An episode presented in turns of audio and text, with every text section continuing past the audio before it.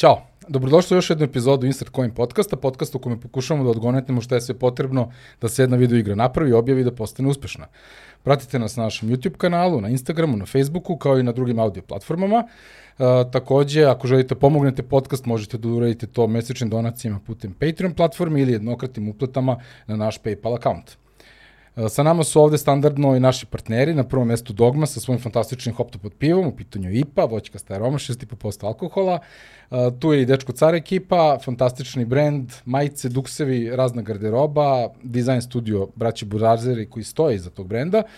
I oni su odlučili da svim slušalcima Instacoin podcasta ponudi 10% popusta na online kupovinu na njihovom sajtu www.dečkocar.com uz promo kod InsertCoin10. Naravno, Svi detalji nalaze se u opisu ove epizode.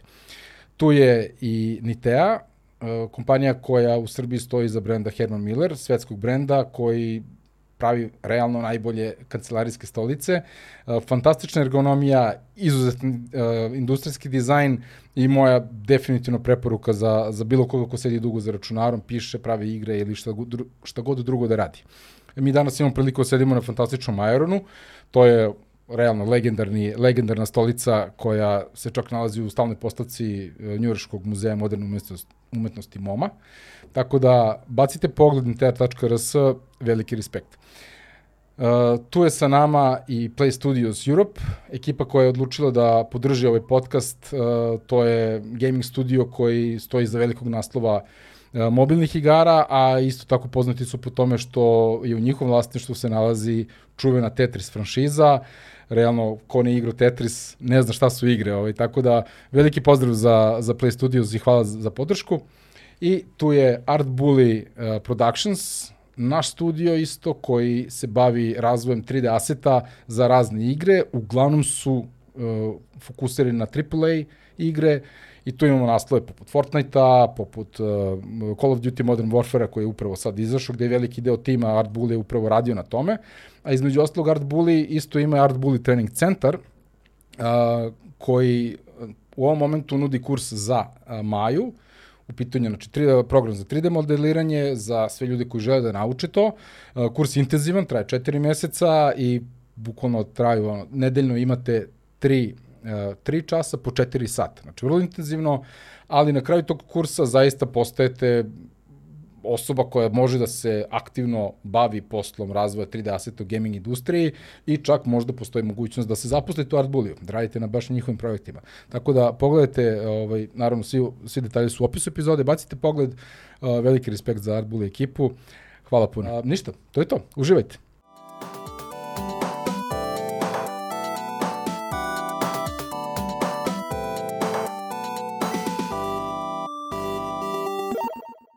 Danas je sa nama Aleksandar Manja, čovek koji je već sad već drugi put u Insert Coinu. E, prošli put smo pričali o zvuku, video igrama i nekim mnogo širim temama.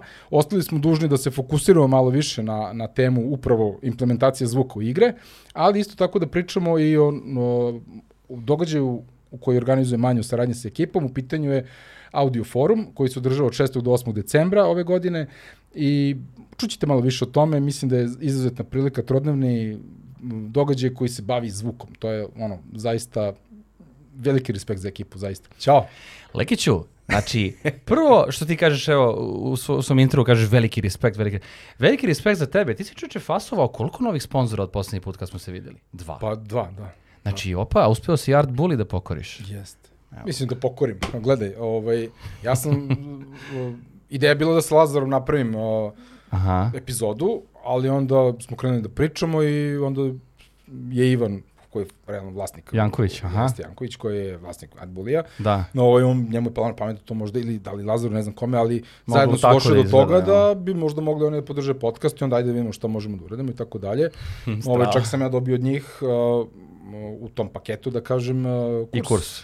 Pa da. Ja idem na Maju sad trenutno ne redovno, zato što imam dosta obaveza, kad završim sa inovacijnim fondom, onda se vraćam vamo, imam plus i ono, na poslu release aplikacije koji godinu dana radimo i sad je to ono on, all hands on deck, Aha. tako da malo krančujemo, ali kad se to smiri, vraćam se na redovno na kurs, tako da to je onako, mnogo sam naučio, mnogo mi je drago da sam imao, dobio tu priliku. Tako da, I sve si to rekao sad u programu. Aha. Znači i veze između posla, sa kursom, sa adbulem i tako da.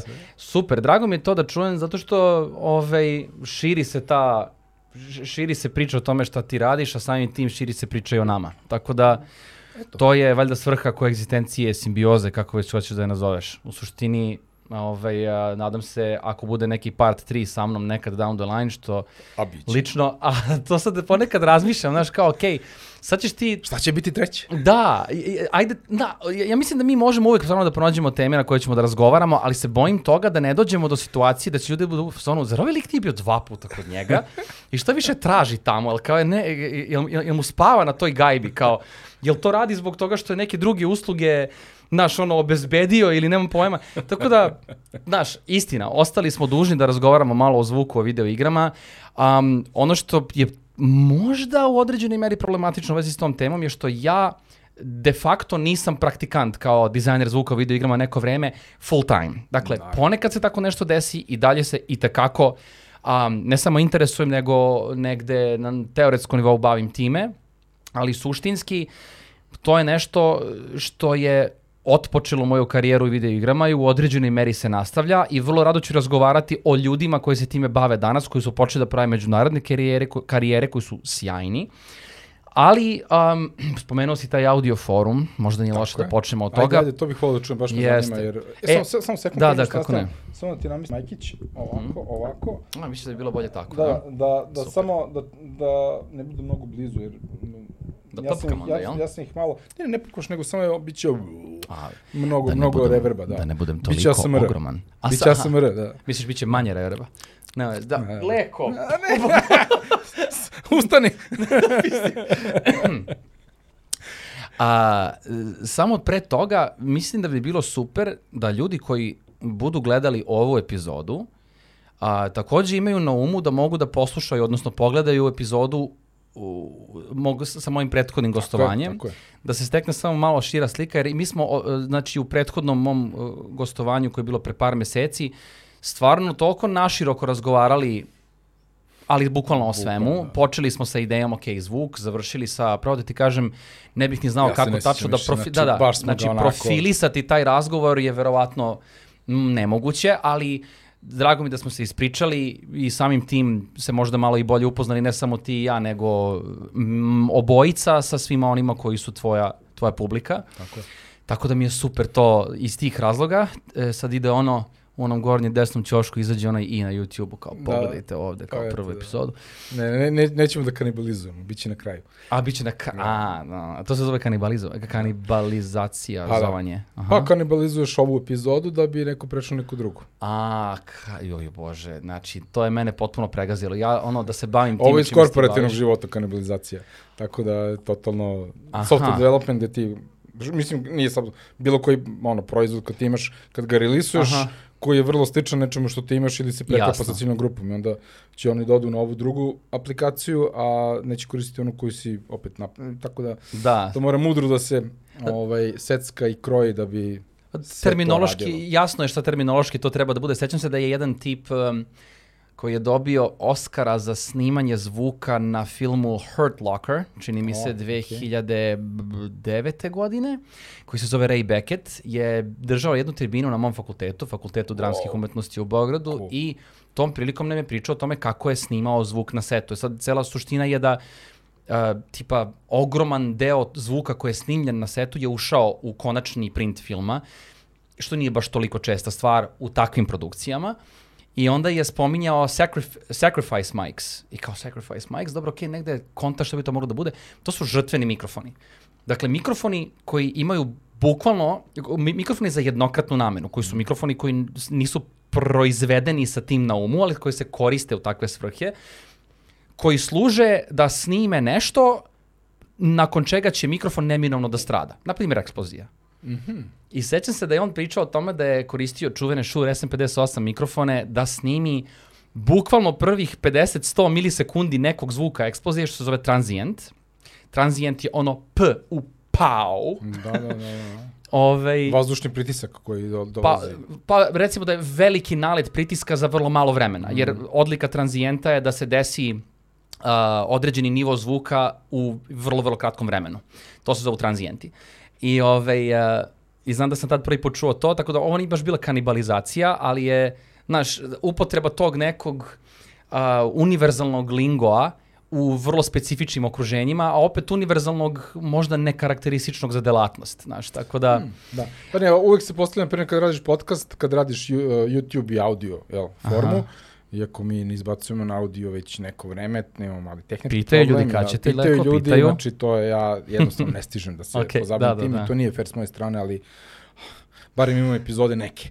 ovaj, ali dobro, doćemo do toga. U svakom slučaju, uh, kanibalizacija, da li ja da puštam uh, na audio platforme? To, to je uvek, uvek pitanje koje negde stoji u vazduhu. Jer ako pustim na audio platforme, onda će ljudi da gledaju na audio platforme, neće gledati na YouTube-u. A meni je interes da gledaju na YouTube-u, jer onda ja mogu da imam više view-ova i sam, samim tim moji partneri mogu da imaju više view-ova da, da. i čak ja verujem više u, u video nego audio, ali audio je opet dosta ličnija uh, varijanta slušanja. I, uh, I onda se postavlja pitanja ako odem na a, audio i video, to jest YouTube i podcasti, podcast platforme, da li sam ja sebi uštinuo viewove na YouTube-u. Da. I ne nužno.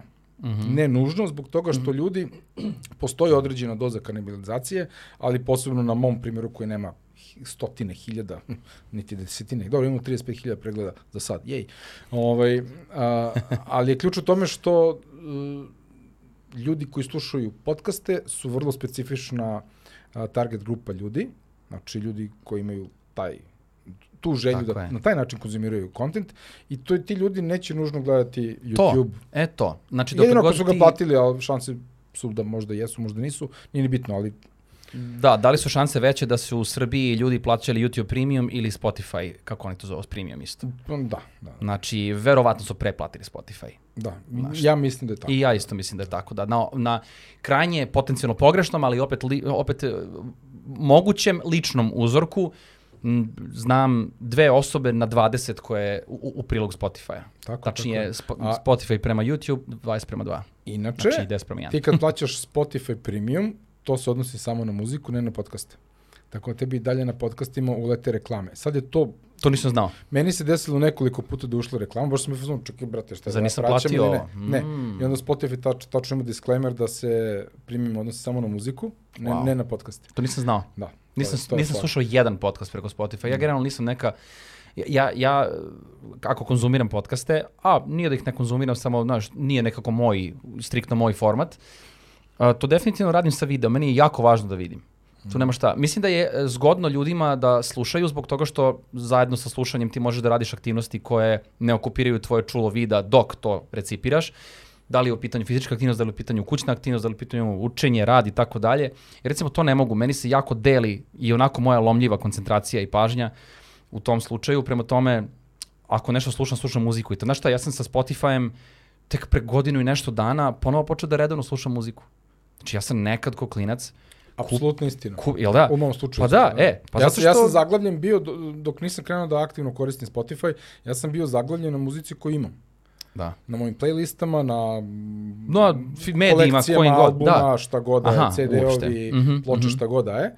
Uh, I tu i tamo ja možda skinem nešto ili kupim, ali nije to redovno. I sad ja ne istražujem, ne bavim se time sa Spotify-em, ja sam krenuo da preslušavam čitave diskografije raznih bendova. Jeste, da. Jer da. mi je dostupno, Zgodne. ne pa moram pa da, da razmišljam kako ću da ga nabavim. Ovo ti je ono, age of convenience. Znaš, da, bukvalno, bukvalno. bitno je da je nešto zgodno, ali s druge strane, hoću da poludim i da im ono uletim tamo i da, da, da, da, da, da jednostavno zahtevam menadžera da razgovaram sa njime ili njome, da mi objasne zašto stalno dobijaju licence, gubi licence, dobijaju licence, gubi licence. Mm. Znači, omiljeni neki moji izvođači, na primjer, ja obožavam band koji se zove Maximum the Hormone iz, iz Japana, koji su potpisnici Warner Musika, ubre, sad više nisam li siguran, Sonija ili Warnera, nisam siguran.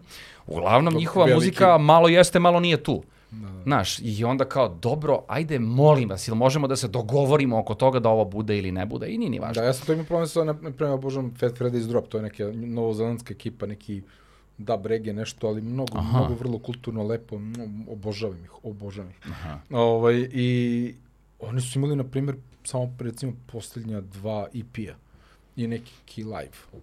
A imaju pre toga četiri albuma. E, pa to je. i Baš sam se nervirao, ne mogu da, znaš, ne mogu da napravim Da. ultimate playlistu njihove muzike na Spotify. I onda sam bio, kad sam u kolima, ako hoću slušam Fat Freddy's Drop, ja moram puštam ono sa telefona, a za drugu neku muziku mi je Spotify. Jest. Ajde samo jednu aplikaciju, please. Ne, a to se Sad nikad neće ubacili, desiti. Sad ubacili su Fat Pa ubacili, ali da, ali to... opet neke druge stvari. Naravno, pa to je, ja se sećam ono vremena kad si mogao da objediniš više chat aplikacije u jednu, tipa u Pigeon ili onaj, kako se zove, Trillian.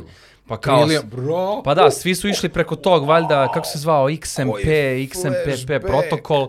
I onda sve što podržava te neke protokole za instant messaging si mogo da importuješ u jedan software i da ih diferenciraš na taj način, da, Da, ja ih čak MSN Messenger, ICQ i nešto od Mirce. Od bilo- Google Talk, znači nešto to vreme, bilo, nešto, da. znaš, tako da sad ti sve odjedno zgužaš na jednome.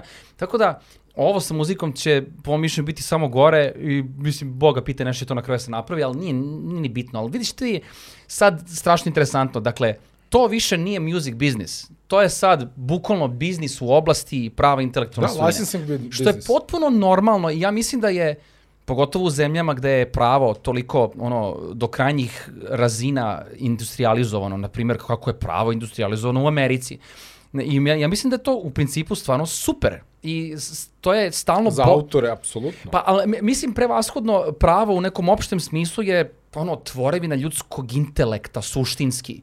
Znaš, to je sad neka borba nečijih želja i sa nekakvim limitacijama o kojima su se dogovorili neki ljudi koji su to na neki način zaveli, zapisali i odredili da je to pravosnažno sad i da to može povlačiti neke re- reperkusije ukoliko se neko ne pridržava toga ili limitirano pridržava. Nije sad ni bitno, ali ovo pričam zbog toga što recimo baš na audio forumu pre em, četiri godine kada je, dakle 2018. godine kad je audio forum izašao iz, eh, sa FDU-a i ostamostalio se, a pokrićemo istoriju audio foruma. Nice, nice. krećemo, Ovaj, da. da, znači gostovao je Srđan Mitrić, što je e, advokat konkretno, o, pardon, on je diplomirani pravnik prevashodno, ja zaista, on je bio u funkciji advokata, ali suštinski on je dakle diplomi- diplomirani pravnik, koji se bavi pravom intelektualne svojine, konkretno a, autorskim i srodnim pravima. I on je 2018. godine nama održao na audio forumu tako predavanje da smo svi popadali na dupeta, iako smo sedeli, gde nam je objasnio sve ono što nas je kao potencijalne autore ili autore mučilo ceo život i da nam je to neko rekao u vreme kada je nama bilo bitno, mi bismo bili jako srećni. Isto je to uradio, izvini, nije bio 2018. On je bio 2019. a onda 2021. Da, tako je.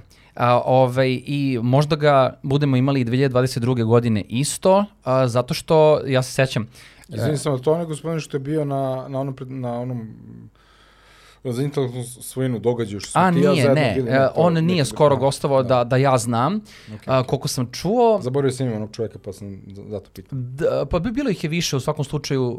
Aha, On ne, je- znam na koga misliš, da. to je bio Radošević Goran iz Karanović Jeste, and Partners. jeste, jeste. Da, da, on je, on je bio super. on Vrlo, imao- vrlo, vrlo pragmatično, dobro. jasno, da, no, zaista jedan odličan precizno. tip. Da, stvarno baš mi je drago da smo se upoznali tad bili. Da, I odličan je događaj bio. Hvala, hvala puno Zavodu za internetu svojine Republike Srbije, Prirodnoj komori Srbije, Apsolutno. Srbija i Novija, SGA. Da. Super event, bez No, premca. Naučili smo mnogo toga. Ma, kako da Mislim, stvari koje jednostavno ti ne bi pala na pamet kad praviš konkretnu video igru, pošto je bilo fokusirano na, na razvoj video igara. Da. U kom momentu ti nešto štitiš? Šta štitiš? Zašto štitiš? Naravno, ma joj, Super, to je beskonačno, ono, rabbit hole, kako bi rekli, znaš, Jeste, ali jeste. anyway, sad, Anyway. znači, Srki Mitrić je s nama razgovarao na, na, na, na, na, teme uh, autorskih i srodnih prava u pre svega u muzičkoj industriji. Dakle, to je nešto što zanima ljude koji su dominantno publika na audio forumu, dakle, muzički autori, a, muzički producenti i tako dalje. Tako da, a, suština tog audio foruma, ako sad smo prešli na tu temu, Jesmo, vrlo. Odlično, vrlo. ulokovali smo je. Um, suština tog audio foruma nije samo u tome da mi govorimo o profesionalnom audiju u kontekstu um, inženjerstva, u kontekstu Pa da, zapravo striktno inženjerstvo, pošto ljude u najvećoj meri za, za, zanima to inženjerstvo, ali e, vrlo je šarolik program, a objasnio bih zapravo i na koji način, s obzirom da Audio Forum kao događaj postoji od 2013. godine. Znači, ja sam 2013. godine bio na svojoj prvoj godini master studija, čini mi se, ili sam završavao četvrtu godinu osnovnih, pošto je to bila prva polovina godine, to bio maj. Maja 2013. godine je Dejan Pejović, koji je danas redovni profesor uh, pardon, uh, vanredni profesor na Fakultetu dramskih umetnosti na katedri za snimanje i dizajn zvuka, u jednom momentu svoje karijere rekao ja bih volao svojim studentima da ponudim nešto više od samo mojih predavanja. On je u tom trenutku predavao najmanje jedan predmet koji se zvao snimanje muzike. Dakle, snimanje muzike 1, 2, 3 i 4, to su dakle dva semestra u jednoj godini, dva semestra u drugoj godini, tačnije trećoj i četvrtoj godini ako govorimo o konkretnim kalendarskim akademskim godinama. I na masteru, na master studijama je tada, dok je master drugačije izgledao, sad je master nešto drugo, um, držao snimanje klasične muzike i snimanje popularne muzike. Tako da on je bio go-to čovek za all things music kada govorimo o uh, snimanju i dizajnu zvuka, on generala. Prema tome, on je u sklopu svog kurikuluma imao, imao sjajna predavanja i svi smo jako volili njegove predavanja jer su bila i hands-on i teoretski jako dobro pokrivena, uh, odličnu bibliografiju je imao za to sve, a onda je udario sa tim nekim tribinama koje je on tad nazvao audio forum. I prvi audio forum, sad znao bih da ti kažem, mi smo, baš smo danas lončovali na sajtu, uh, pošto radili smo novi sajt, audioforum.rs, uh, lončovali smo uh, novu arhivu događaja i sad ne mogu da kažem tačno koje su datumi bili 2013, ali dakle u maju 2013. on je u tri dana imao po jedno predavanje gde su gostovala, uh, gostovali stručnjaci uh, iz Republike Srbije, a u oblasti muzičke produkcije. Tu je bio Boris Krstajić, tu je bio Vojislav Voja Aralica i Saša Habić, Aleksandar Saša Habić. I sećam se tačno da um, kada smo bili na tim tribinama, kako se to tad zvalo, znaš, to, To, je, se na FDU se dešava. to se sve dole. dešavalo na FDU jer je u suštini bilo namenjeno samo studentima. Kao evo da moji studenti uz pomoć nekih sada eksternih resursa koji su kasnije do duše došli, ponudim nešto više od samo onog kurikuluma koji ja imam. Da, ovo je praktična informacija. Razgovori sa ljudima koji su neposredno u industriji, to ne od juče, nego decenijama. Da, da. Tako da, govorimo, može, mogu ljudi da misle šta hoće od svima njima, ali to su Zdravko Čolić, to je Rib- Riblja Čorba, to je Ju Grupa, to je Van Gogh. da. Znači, kada govorimo o svemu tome, ti svi ljudi su imali neke veze sa njima u studiju. Uh, kako ko od njih trojice, sad nije bitno pona osobe šta tačno rade, posjetite audioforum.rs za više informacija. Ove, ali ta, tada je sve krenulo. Dakle, ideja je bila dati nešto studentima, ali vrlo brzo, već naredne godine 2014 to je otišlo mnogo dalje. Krenuli su neki prvi sponzori, dobijen je projekat, a, odnosno a, dobijena su sredstva konkursa, preko konkursa Ministarstva kulture i informisanja, dobijena su dakle sredstva da se malo sad tu uloži, da se neko dovede iz inostranstva, da nešto malo dan dan dan. Pa je e, jedna, jedna prodavnica audiotehnike tada bila jedna od sponzora takođe, pa se oni što neko kintos nešto malo desi, pa je došla e, ekipa izvan fakulteta i on to počelo malo da se stvara atmosfera zajednice. Sve je počelo da miriše na zajednicu. Ono što je problematično sa audio zajednicom u Srbiji je što, se, što je sačinjavaju ljudi od 7 do 107 koji su uglavnom svoje karijere gradili uh, u radiodifuznim, uh, kako se zove, institucijama, prevashodno televizijima, uh, televizijskim i radijskim stanicama, što će reći da su njihove inženjerske prakse, filosofska načela i tako dalje možda malo zabajatila, ako smem da se izrazim. Tako da je ta publika u samom startu bila veoma specifična i bilo je jako važno da se na tim događajima govori o onome što je baš nesumnjivo relevantno. Tako da je recimo 2014. godine smo onda imali čoveka koji se zove Nikša Bratoš, koji je tako, e, hrvatski inače producent, muzički producent, koji je radio isto sa velikim imenima iz XU teritorije, a, e, koji je govorio o svom iskustvu kao muzičkog producenta. On je držao čak e, jedan dan jedno predavanje, a onda naredna dva dana po, dve, po jednu radionicu, gde je neposredno bio u fazonu otvorimo projekat, kad kažem projekat u softveru se otvori projekat u kome je neka pesma, pa se onda to tako reći dekonstruiše, ide se jedno po jedno, preslušava se, analizira se. To je bilo mind blowing meni zato što je to bio prvi kontakt sa profesionalnim bavljenjem muzičkom produkcijom koje nije koje je malo dalje od onoga, e, moj ortak ima studio, a studio je jednako podrum Drago mi. sa isušivačem vazduha. Ne, ne, drago, drago mi je, jer ti imaš jako lep studio ovde. Ne znaš ti gde sam ja sišao, okej, okej. u kakve, ajde, ajde što su podrumi, nego... Da, da. Bilo je čudno, od podruma do ono kupola koje su u sastavnom delu zgrade Beogradskog dramskog pozorišta, mislim, haos wow, cool. kupola. Ovaj, vrlo pretencijozno rečeno, ali takav sam utisak tada imao. I anyway, znači dolazimo do toga da audio forum počinje polako da dobije malo više na težini. Isto tad 2014. godine smo razgovarali i na temu uh, kako se zove, uh, akustike, što su držali profesor Mijomir Mijić i Dragana Šumaras Pavlović. Um, I došao je čovek iz Nemačka, kako se zove Ansgar Liam, koji je u principu nešto što bi se danas zvala evangelist, odnosno praktično terenski prodavac, a, solucija kompanije Avid, mm. koja je dakle iza Media Composera, iza Pro Toolsa i generalno tih uh, solutiona za pro audio video, prevashodno pro audio. Uh, doduše iz moje perspektive prevashodno pro audio, to moram da se ogradim. I onda je naš stvar počela malo da malo da raste. Već 2015. godine uh, Audio Forum se sastojio iz dva dela. Uh, u smislu da se jedan deo foruma održava u jednom delu godine, u jednoj polovini godine, drugi deo u drugoj polovini godine. E, tako da nije, nisu bile obimne konferencije, bilo bi tipa jedno predavanje u aprilu i je možda 3-4 u, tamo negde oko uh, period oktobar-decembar, ali to su bile zaista, zaista prilike da se vrlo obimno čovek bavi um, audio produkcijom on general, zato što došao biti čovek koji je mastering inženjer iz Nemačke, uh, a onda bi krajem godine došla dva neka naša super tipa, Ljubinko Gordić i Zdravko Maljković, koji su veliki deo karijere proveli u RTS-u, radeći na živim programima, sportskim i muzičkim prevashodno, koji te odvedu na neki fe, e, festival, recimo konkretno bio taj Chopin Fest, da je Ljubinko Gordić vodio, i na tom Chopin Festu snimate akustičke instrumente, prevashodno klavir, očigledno, na licu mesta. I sad, znaš, Audio forum više nije ono kao samo skupimo se na faksu pa tu nešto bla bla bla jer se svi tu nešto kao volimo i družimo i nas to zanima, nego to počinje da liči na neku ipak onako intenzivni kurs ako hoćeš. 2016. godine e, je takođe smo imali iz, iz dva dela ovaj audio forum. Kad kažem onaj e, mastering inženjer iz Nemačka, on je bio 2016. 2015. su bile neke druge stvari. Znači nije toliko bitno sad kad je šta bilo, postite audioforum.rs. Ali suština je da Znači, već tu 2016. godine, 15. 16. obogaćuje se program, a 2016. prvi put ikada na audio forumu a, gostuju Oskarovci. A, oh. Tako da, tad smo već krenuli sa sa o, ozbiljnim predavanjima. 2015. do duše bio Dave Pensado tu, muzički producent sa višestruko nominovan, a, ali takođe nagrađivan Grammy nagradama za rad sa Beyoncé, Adele i slično.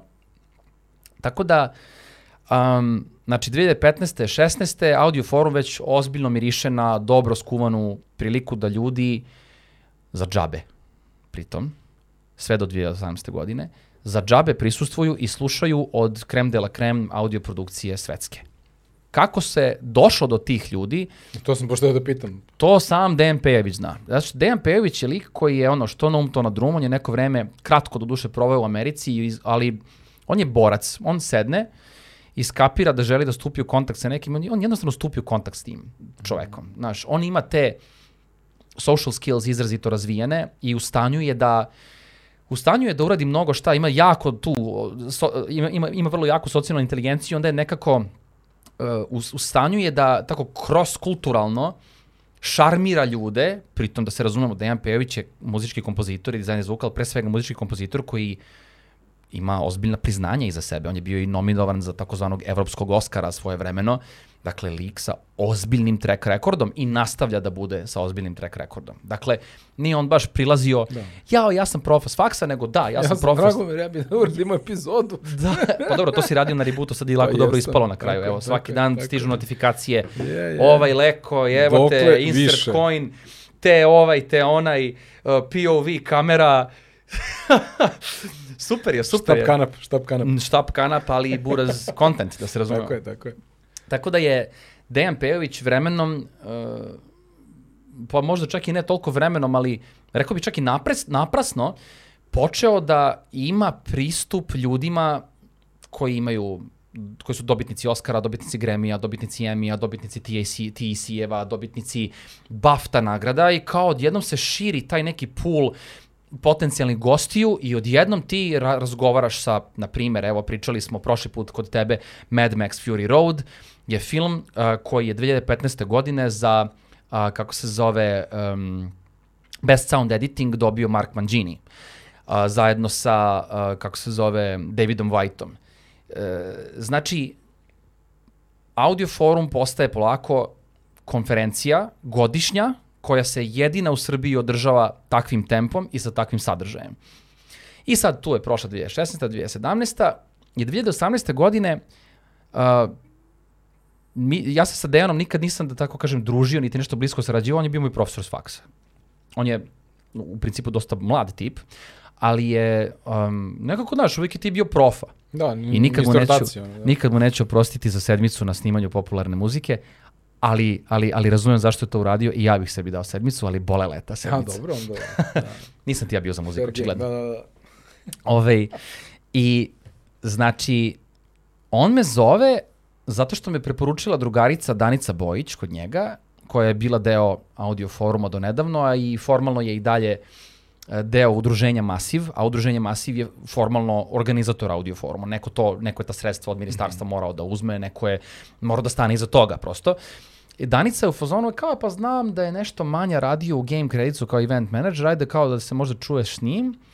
I onda je mene Deki Pejović zvao, pa smo se mi nešto našli i odmah se sklavirili, jer je, i mene je, priznajem, ovo je možda prvi put kažem u životu naglas, um, mene je malo bolelo što sve te godine audio foruma mene niko nije hteo da uključi u to. A ja sam se malo laktao.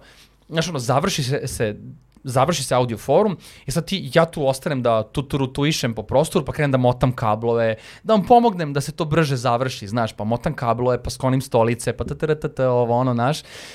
I ovaj, a, nekako čini mi se da to tad nije baš išlo. E, mislim da je to zbog toga što Deki Pejović prosto nije hteo sa studentima da se nešto mnogo hvata u, u neko kolo ili da se nešto pajta, što potpuno kapiram i to je ono što njega čini profesorom Dejanom Tako je, Pejovićem tako je, da. I podržavam ga skroz u tome, ali već uveliko kad nisam bio uh, student i te 2018. godine, kad sam bio i između poslova takođe, uh, Deki zove i kaže ajde radimo to zajedno. Mi smo odmah našli načina kako to da radimo zajedno, On tako znao, da je... on- Jel on znao ko si ti kad te je kontaktirao? Naravno, da, zato što na FDU, pogotovo na toj katedri, a i naravno i na drugim katedrama, ljudi, se, ljudi su strašno bliski jedni s drugima, jer to je malo ljudi. Znači ti kad imaš 10 ljudi na jednoj klasi, Da, da. Znaš, a u, na četiri ili pet godina studija u okviru jedne katedre ne više od 50 ljudi, nema trika da ti te ljude sve ne znaš, a pogotovo ako si bio aktivan student, ako si se cimao, ako si Motokablove. motokablove provodio po 25 set- sati dnevno tamo, ne da te pamte, nego računaju na tebe, šta da, više. To je znači sjajna stvar u vezi sa mojom katedrom. Mislim, ja, ono, mogu ljudi da kažu šta hoće, da je ja sad hvalim da ovo da ono, ali hvalim je s razlogom. To je najbolja, to je najbolja solucija za nekoga ko želi se bavi audio produkcijom u širem smislu, a da želi da studira. Inače, ljudi studirajte, nemojte zabavati. Na FDU, katedra za snimanje dizajn zvuka je boljeg od toga ja zaista mislim da nema. Nemam mnogo iskustva sa drugima, neko vreme jesam predavao na SAI institutu, ali mislim da je SAI nešto potpuno drugo.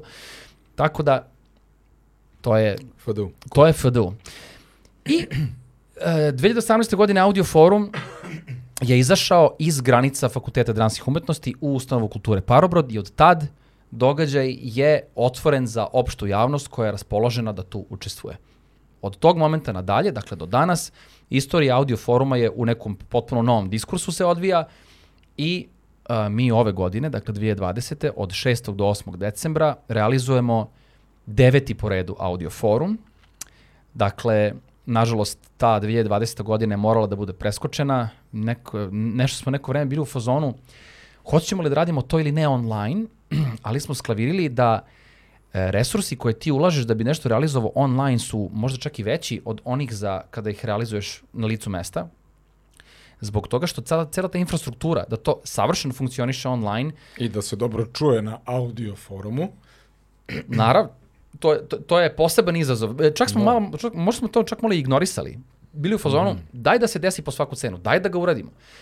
I onda kad vidiš, režija, matchmaking, ako treba da postoji matchmaking, plasiranje proizvoda, sponzorske usluge, ovaj, pitanje i odgovori i kao zbrojiš to sve i u fazonu si, ok, prvo, mnoge stvari ovde koštaju, drugo, mnoge stvari mi ovde ne znamo da radimo i apsolutno nemamo vremena da ih naučimo, da se razumemo jednu stvar, audio forum nije biznis. Audio forum realizuju dve osobe, Aleksandar Manja i Dejan Pejović. Audio forum posluje sa minusom, posluje sa minusom. Prema tome, ti treba da se odrekneš nekog svog svakodnevnog života, poslovnog i privatnog, odrekneš, da ga saviješ dovoljno jako, da bi taj audio forum bio uglavljen u nekoliko meseci intenzivnog, uh, intenzivnih organizacionih napora da bi se na kraju desio.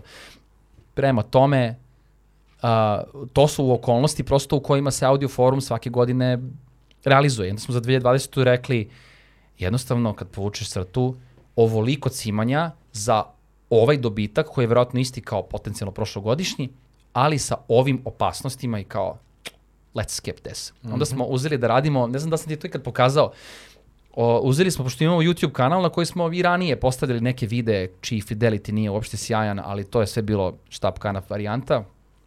Počeli smo 2020. da radimo kao content za YouTube, da radimo uslovno rečeno neke rekapitulacije i reaction videe na neke od tokova koji su na audio forumu bili od, u periodu od 2018. do 2019. Dobro. I imamo tri videoklipa, jedan sa producentkinjom Silvijom Messi, drugo sa uh, mikserom zvuka Ma Marko Manginijem i treće sa mikserom filmske muzike Alanom Myersonom, gde sam ja bio kao uh, u principu lice svega toga. Uh, klipovi koji ništa naročito nisu zapaženo prošli, međutim, videoklip sa Silvijom Messi danas ima tipa 70.000 pregleda, ja mislim. Ne, ili 30-ak, joj pre, nemam pojma. Dobro, Nemam de, pojma. desetine hiljada. nekoliko desetina hiljada pregleda, verovatno zbog toga što je tema bila Prince. Muzičar A. Prince. Dakle, ovaj, pošto je ona, mi smo... Izvini, samo to je video koji je snimljen na audio forumu, nije post festum snimljen. Ne post festum. Da. Znači, snimljene na audio forumu i na to je rađeni, su rađeni kao reactioni i mi smo iščupali konkretno taj segment gde Silvija Messi govori o saradnji sa Princom. Zato što je saradnja sa Princom bila jako specifična. Ako ljude ne smara, audio forum, YouTube, Silvija Messi, Working with Prince se zove, se zove video. I anyway, znači mi smo na taj način mislili kao da ovaj, polepimo malo tu 2020. godinu, to smo radili. To nas je u produkcijskom smislu dodatno upropastilo, zato što smo mi malo... Um, čini mi se da nismo u toku sa načinom na koji se produkcije te rade danas. Mi smo to shvatili kao oštrine, svetla, senke, kontrasti, da odmah u snimanju, jer ti kad studiraš na tom FDU, ti malo, malo si ispod radara stvarnosti. Znaš, uh, malo te provlače kroz, malo, malo bajpasuju tu stvarnost na putu ka tome... fizičke opreme što, koja može da iznese. U, u svakom kvalitet. smislu. Na, na, konkretno mislim, jedno je kako ti nešto možeš da realizuješ i kako je dovoljno dobro, a drugo je kako, te, e, kako nešto možeš da realizuješ da bude fantazija. Zato što je razlika između dobrog i odličnog izuzetno mala. E, ali ta izuzetno mala je tipa 90% eforta. Tako da smo mi te klipove shvatali preozbiljno. Elaborati pre toga. Šta, gde, kako. I to je sve naravno Koliko traje jedan klip? jedan klip traje desetak minuta. Aha, dobro, dobro. Znači, mi smo to stvarno gledali da, znaš, i u postprodukciji, pa motion graphics, pa kakav je nam je motion, jel u skladu sa stilom iz te godine, Ma, malo je to preterivanja bilo. Gledavši kako se danas rade, ne podcasti, ali recimo klasičan YouTube content, mi smo definitivno malo to preterali. Zbog toga smo se istrošili jako brzo i prestali s tom produkcijom. Ja to pozdravljam zato što ako možeš da ga uradiš najbolje, što ga ne, ne bi uradio najbolje. Da, jeste effort, to nije održiv sistem za Da.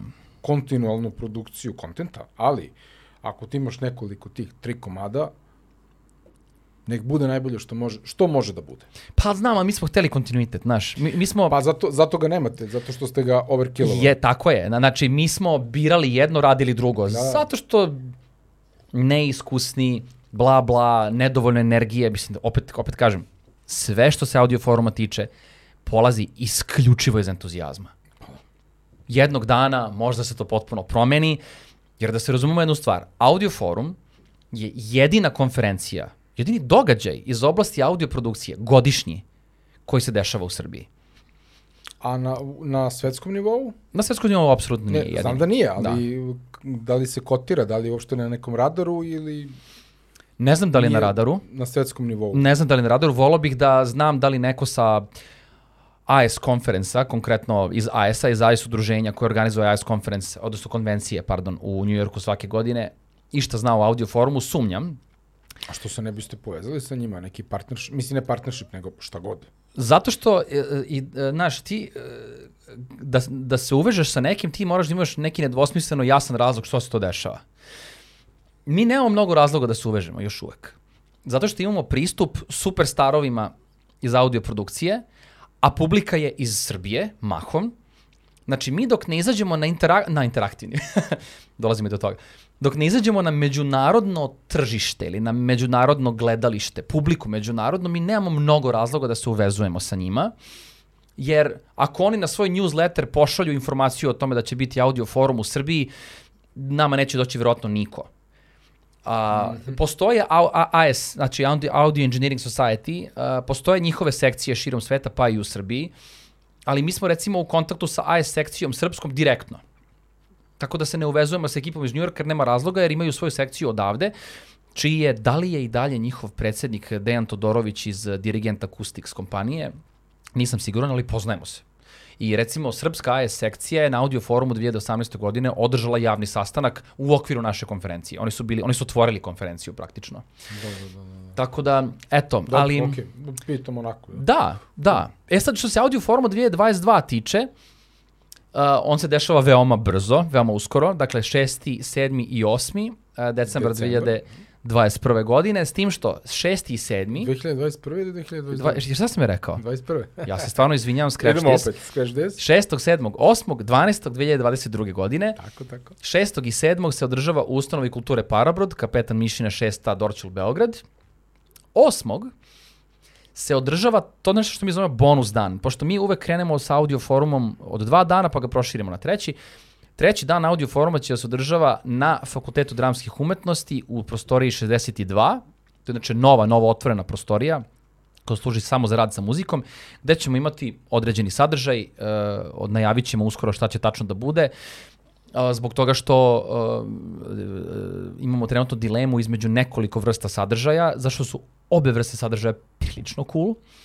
Sad, koja je kulja od druge, to moramo da, to, to ne smem da najavim još, ali me, nečka, nečkamo se, nečkamo se, dvoumimo se između rada sa, rada sa tehnikom i rada sa uh, jednom, jednim proizvođačem tehnike. Ne bih, Ali to bi bio neki praktičan praktičan deo Mi to zovemo bukvalno radionica. Dakle, Eto, to, okay. recimo 2018. godine smo kao taj bonus dan imali testiranje Slate VRS sistema, Virtual Recording Studija, uh, Steven Slate kompanije, uh, to je specifičan hardware koji ti omogućuje da uz pomoć uh, uh, konkretno specijalizovanog seta mikrofona m, dobiješ zvuk bilo kog čuvenog mikrofona na svetu. Znači, oni ti prodaju neku svoju soluciju koja košta x para, a ti možeš pomoću tih specifičnih mikrofona koji u paru sa tim specifičnim hardverom i softverom koji ide nakon mikrofona, dobiješ taj karakter zvuka kakav ima Neumann U47, kakav ima AKG C414, Royer Labs, mikrofone i tako dalje. I mi smo to recimo testirali sa Ivanom Vukmirović um, Manivi, koja je svirala gitaru i pevala. Mi smo to baš onako upriličili, fotkali super, snimali super, imali neki 15 ljudi na licu mesta i zajedno smo radili snimanje. Cool. Tako da, otprilike to tako izgleda. Onda smo 2019. godine radili neka akustička merenja, da sad ne sparam šta to tačno znači sa akustičkim merenjima, ali i ove godine ćemo imati tako nešto, ako ne i bolje, jer ako zabodemo ovu varijantu sa testiranjem, testiranjem tehnike, testirat ćemo jako skupu i jako gotinu tehniku, koju će nam omogućiti jedan od naših partnera. Tako da o tom potom. Dobro, polako. A, Audio Forum i ove godine, kao i 21. podržava kompanija Amisis. Amisis je domaći retailer koji prodaje dakle isključivo audio tehniku i video tehniku do duše. I oni su strava zbog toga što su zastupnici brendova koji važe za super high class snimače, miksere, mikrofone, kablažu, asesoare i tako dalje.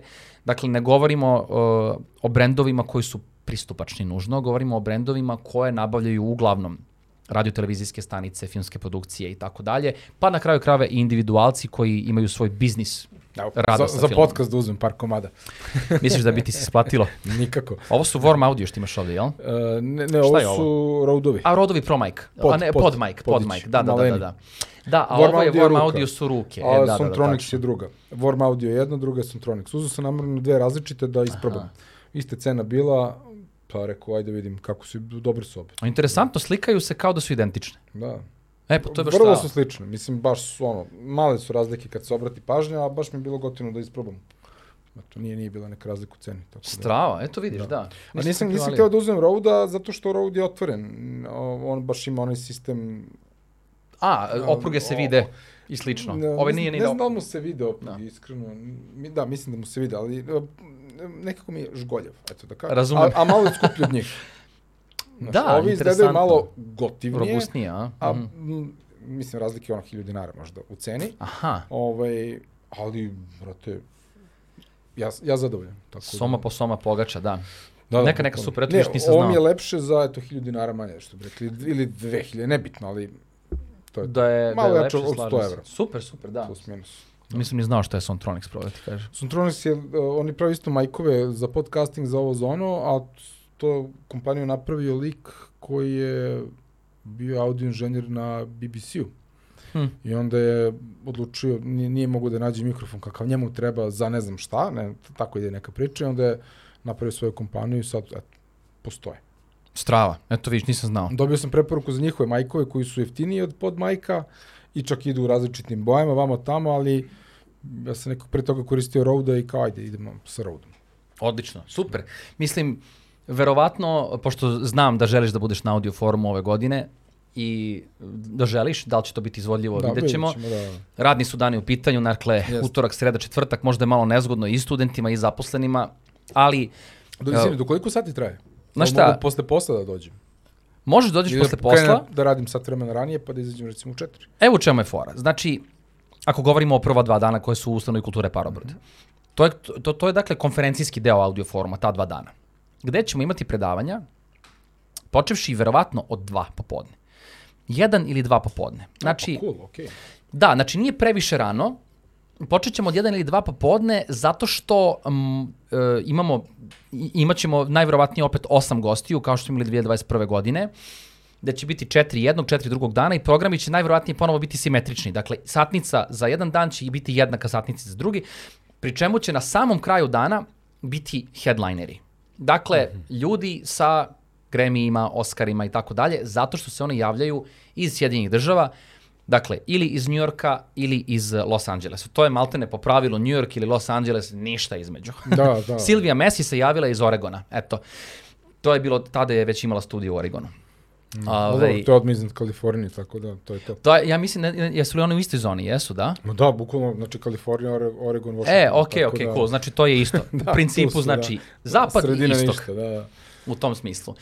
Tako da, uh, očekujem da će oni koji su možda najinteresantniji većini biti na samom kraju dana. Dakle, ako je njima 10 ujutru, uh, ako je kod njih 10 ujutru, Da, kod nas će biti, Sati.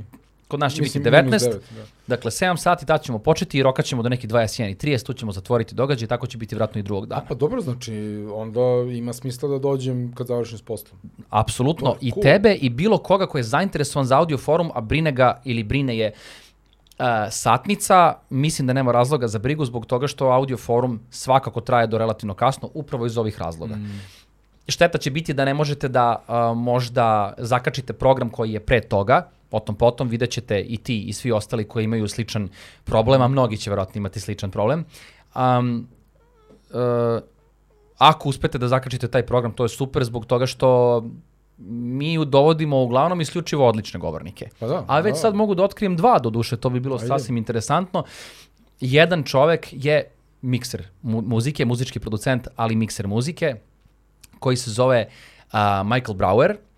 Uh, on će nam se javiti iz Njorka.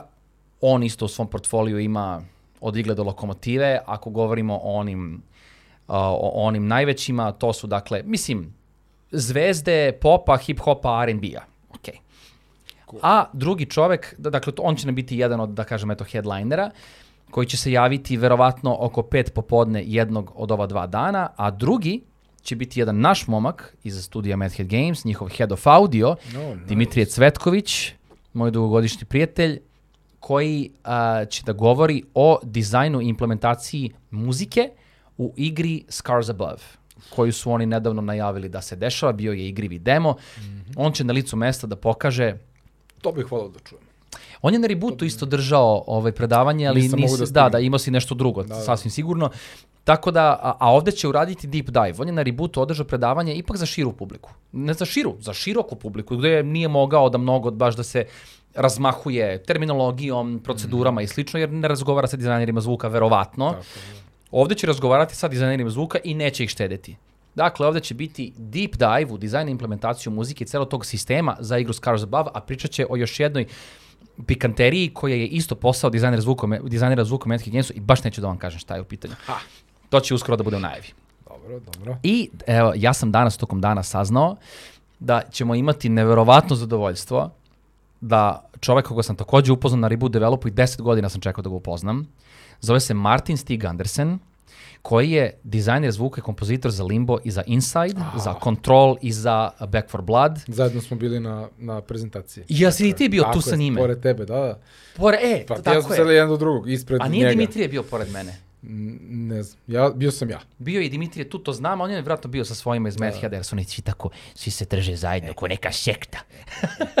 I ja smo bili štreberski u prvom redu. Ja, prvom redu ja uvek, sedio pa da. pravio pitch. E, je. A, da. Ti si bio štreber, ti si Da. onaj što ide više pored škole nego u školu, Da, jel? tako je, tako je, da. Ti si u, u buvarama provodiš vreme To, to, to, realno. Martin Stig Andersen će Fantastično, biti sa nama fantastično. Wise. online.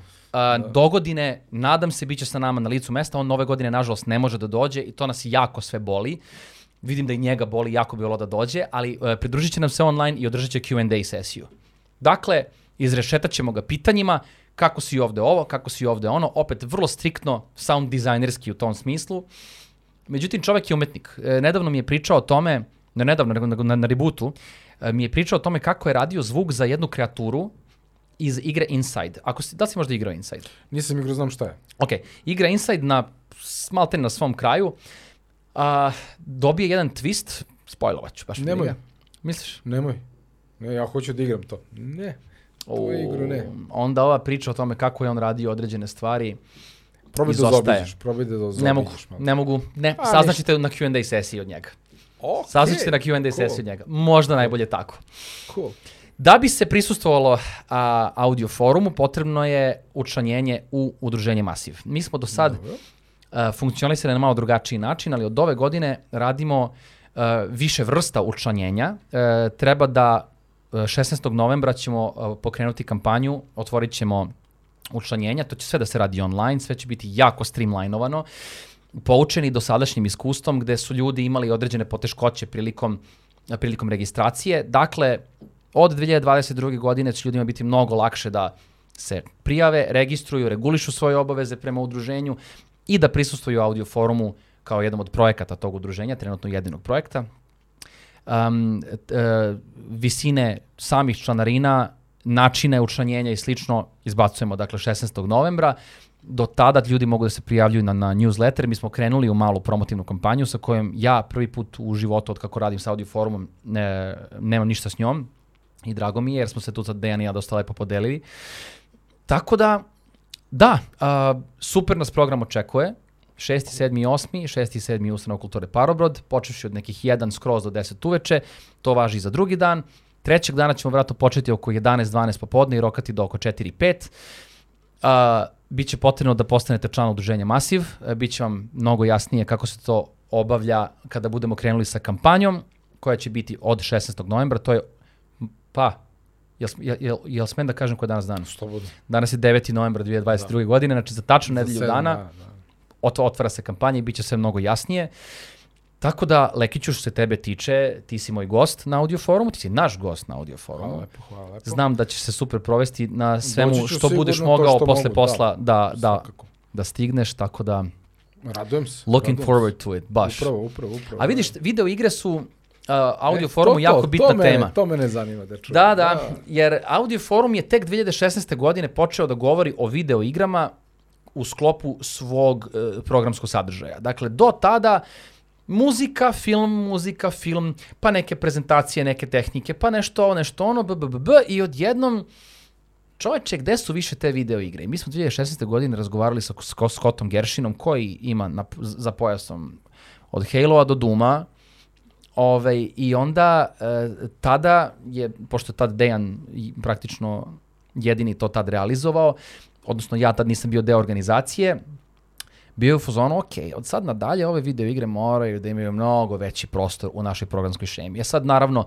do 2018. godine to možda i nije bilo toliko često, ali onda smo krenuli full on da na svakom audio forumu najmanje jedan predavač govori o video igrama, što će ove godine opet biti slučaj sa Dimitrijem Cvetkovićem i sa Martinom Stigom Andersenom, a možda još sa nekim, vidjet ćemo. Takođe razgovaram sa jednim drugarom koji radi za Bluebird Team, jako dobar prijatelj Marko Živanović.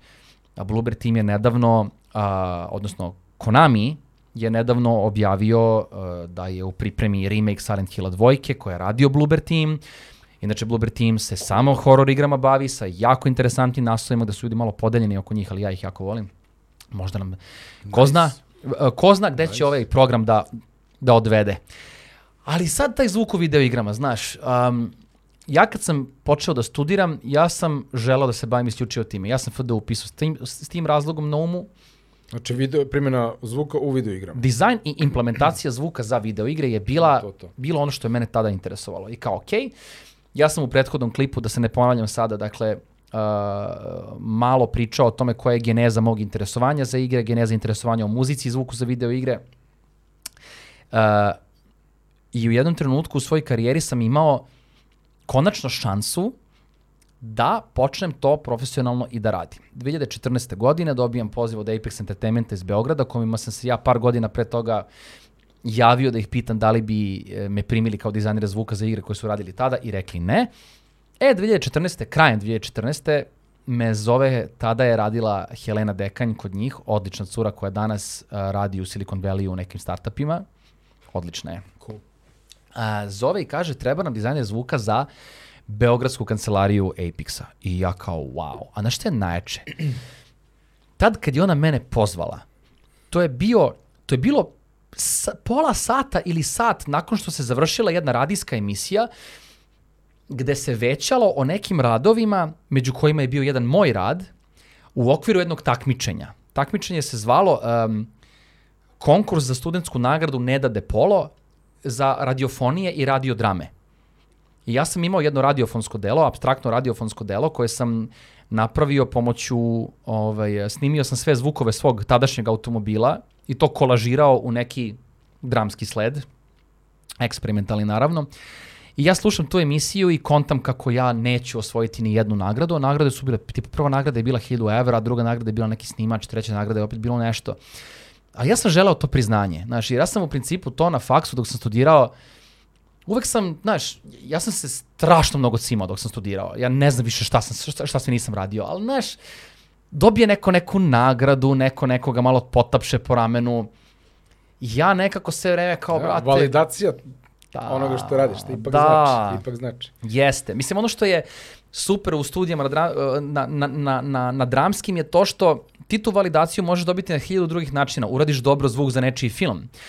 Ali nekako, znaš, trebalo mi je da mi neko da neku nagradu, znaš. Da, da, da, Bio da, bih da, jako da. srećan da sam mogao Ja sad da ne gnjavim o tome, ali suština je, znači završi se ta radio emisija i jako popišan. Znači nema ništa. Nisi od ništa toga. dobio. Ne. E, Da nisam dobio, nego taj moj rad je zapazio samo jedan član žirija, a ono prosek godina 120 u žiriju, samo jedan član žirine, žirija je zapazio taj moj rad i nešto je elaborirao na tu temu, a ovo ostalo, mislim, ostali niko ga maltene nije ni spomenuo, bilo mi baš žao. Pola sata nakon te emisije ja bukvalno, ono, kao, brate, mili, Spaljen. znači se prošetam kroz prozor, razumeš? Da, da, da. I zove me Helena i kaže mi ovo. I ja to nikad neću zaboraviti. To je stvarno bio najbolji trenutak da mi neko ponudi tako nešto. Če, jesi, jesi zahvalio, jesi bio u fazonu, hvala.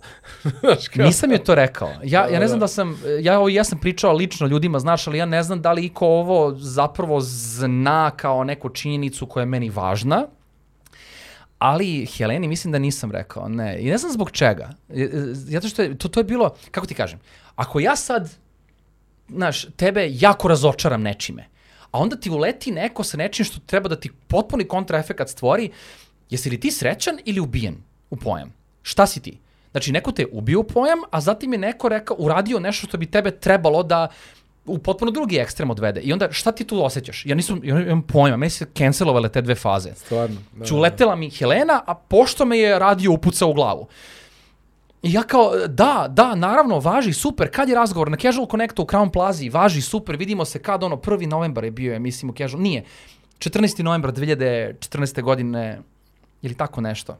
u Crown Plaza. Dobro, ti si dobio poziv za razgovor. Znači, ti si dobio na ovaj stres, ti si dobio još jedan stres. Nisi dobio, e, primljen si na posao. U, Tako da, bilo je u principu primjen si na posao, ali treba da i razgovaramo. Aha, a, okej. okej. Znaš, jer, su, Dobro, dobro. jer izgleda da je postojalo neko već dovoljno poverenje da ja de facto jesam dizajner zvuka i ja zadovoljavam te elementarne kriterijume, jer oni kad su otvorili, uh, Apis kad je otvorio Beogradsku kancelariju, oni su bili s fazona, daj samo da je napunimo, znaš, da, da se tu radi konačno posao, ne sad ono neki konkursi, pa tri dana jahanja, znaš, kao za, tri dana, daj Bože, jahanja za perfektnog da, da. kandidata, nego, e, ovaj lik nešto tu zna, imamo dokaz da zna, zovite ga, ga. ako ne bude valja, sklonit ćemo ga. To je bilo jeftinije i lakše od toga da sad kampanja, hej, cao, mi trazimo sound dizajnera, he, he, Da. znaš, ili nešto slično. Tako da, ja sam sad otišao u ovu istoriju zbog toga što sam morao malo da odbranim ponovo ili da ponovim za one koji prvi put razgovaraju sa mnom ovom prilikom. Kroz tebe, kroz Conduit. Ja, recimo, da. Kroz d- Onda ti, ti gledaj, ti radiš samo ovu emisiju, ja mogu i da odem, znaš, Ne, kao- ne, ne, treba nam the, the Leko Conduit, Je, je, znaš, je. to nam treba. Da, da. Kanal, što bi rekao ona žena za Channel spevanje. To je, ja sam kanal, Ja to je sve od kanal. Boga. Kak, kakav shit. Kaj, to je klip. 2000... Ne, pa, Prva. Ti, ti tako barataš godinama, za mene je to sve onako jedan melanž. Ali, e, a, da, da, da, da. a čekaj, ti kad si prvi put video gratis raspevanje klip, jesi ga dobio na disku ili si ga video na tubu? Da, mail. Mailom. Znači negde između diska službeni, i tuba. službeni mail, mislim, Ka u čoveč. korporativnom okruženju. Da. Da, da, da, da. Gratis raspevanje. Da, da. Čekaj, čekaj, dobio si video u mailu. A da, to je tad bio divlji zapad moglo, još, da. Pa, pa tad je moglo, mislim, to je koliko to može da ima taj klip. Megabajt, predstavu, da. Pa bukvalno red veličina. Da, megabajt. bilo je nešto, 320 Pa, puta jednoća, 240, ono. Thumbnail, mislim. Thumbnail, u današnjim shvatanjima. Po današnjim shvatanjima, da. Pikselaže, ono, da. Čoveče, uglavnom, uglavnom, e, da, znači, e, otprilike, tad se meni daje šansa da se bavim zvukom u videoigrama. To bavljanje zvukom u videoigrama podrazumevalo je da ja dizajniram i implementiram zvuk za specifičan žanr igara koji se zvao Hidden Object Puzzle Adventure igre, odnosno takozvane hope, što su u principu jedan uh, jedna potpodela point and click avantura, ali je specifično namenjena e, ne samo određenim publikama, bilo je Hidden Object Puzzle Adventure i za drugačije publike, ali konkretno ova era postojanja hopa bila je namenjena dominantno ženskoj demografiji iz Sjedinjenih američkih država koje su mahom stay at home housewives, odnosno domaćice, koje su svoje vreme provodile tako što kupe igru za 20 dolara, a, odigraju je za 4 sata, svi srećni, otprilike. I sad, meni to, iako nije bio neki sad poziv u karijeri, sad ću ti da radiš takve igre do kraja života, jer bio, bilo mi je jasno da je to stvar trenda i da će takve hope morati u jednom momentu da se ili ugase ili promene. Rekao, dobro, ako već nekako treba krenuti u Srbiji, daj da krenemo To na taj to, način. To je to. da. Po s obzirom da je moje bavljanje Level Up Srbijom, odnosno da, udruženjem čiji sam uh, suosnivač i predsednik, krenuo od 2012. godine, ja nisam imao mnogo pristupa uh, game developerima iz Srbije, inače bih verovatno čak možda bio jedan od prvih postava Skorna, od prvih postava tadašnjeg uh, kako se zove Metamorfovog Genesis Risinga Da, i da, tako da. dalje. Znači, u momentu kad sam ja ušao u video igre kao big time, iako od 2010. godine radim neke sitne dizajnove zvuka za igre koje su se dešavale jednom u nekoliko meseci, ako ne i godina. Um, ovo je bio prvi posao koji se nudio kao, ok, radim full time zvuk za igre. I ja sam to onda radio neko vreme. Uh, vrlo brzo u Apexu je uh, otpočeto odeljenje koje se bavilo samo istraživanjem i razvojem, dakle R&D-em.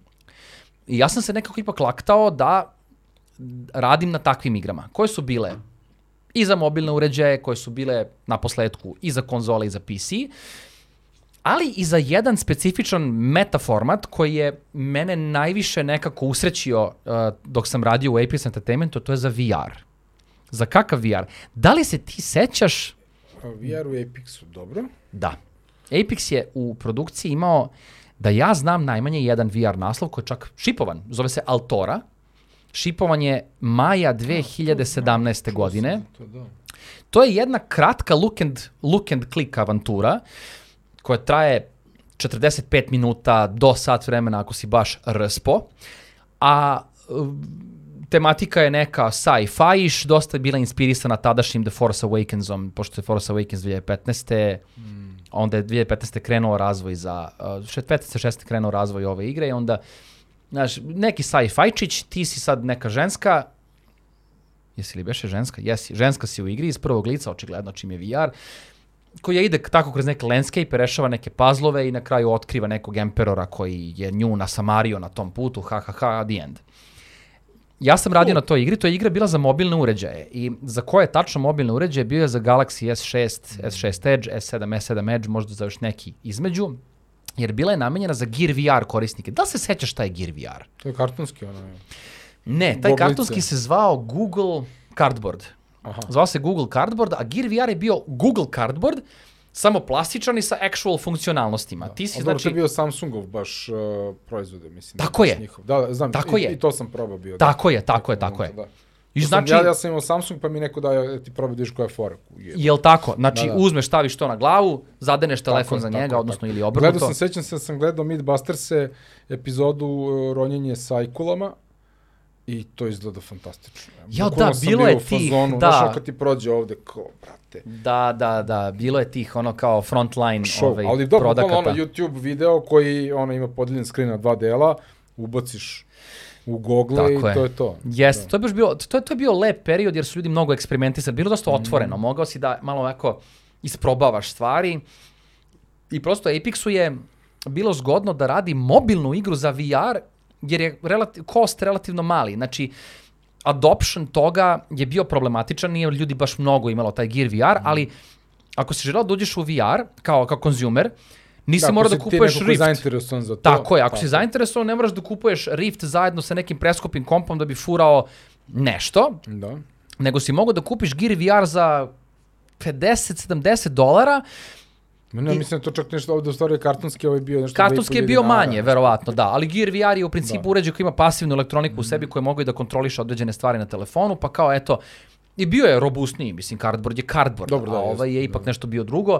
Tako da, adoption tog Gear VR-a je bio mnogo bolji od adoption ovih ostalih solucija, iako je bio limitirajući, jer je očekivao da ti u njega ubaciš hardware, dakle, mobilne telefone, koji su u tom trenutku ipak bili ne toliko visoko performantni kao danas i onda, znaš, ti kad to zadeneš, morao si da imaš konkretne modele, Znači, moralo je da se desi da imaš flagship Samsung uređaj, što čim je flagship, verovatno ga imaš, a dokupiš samo ovo čudo za 50 do 70 dolara, imaš experience, a eks, kupovina tih experience kako su ih oni zvali, bila je od 1 do 2, ma kakvi, do 15 dolara najviše. Mislim da je Altora koštala 7,5 dolara ili tako nešto. Tako da za vrlo male pare ti možeš sebi da priuštiš nešto da vidiš kako je, da budeš neki early adopter ili da prosto testiraš to neko VR tržište, da vidiš je li to nešto u što bi ti dalje investirao. Da, Kao što vidimo danas, toga više nema, to se sad sve potpuno menja, s pravom ili bez prava nije ni važno. Oculus Quest je to manje više počistio Dobro, time što imaš da. standalone hardware, Da, da.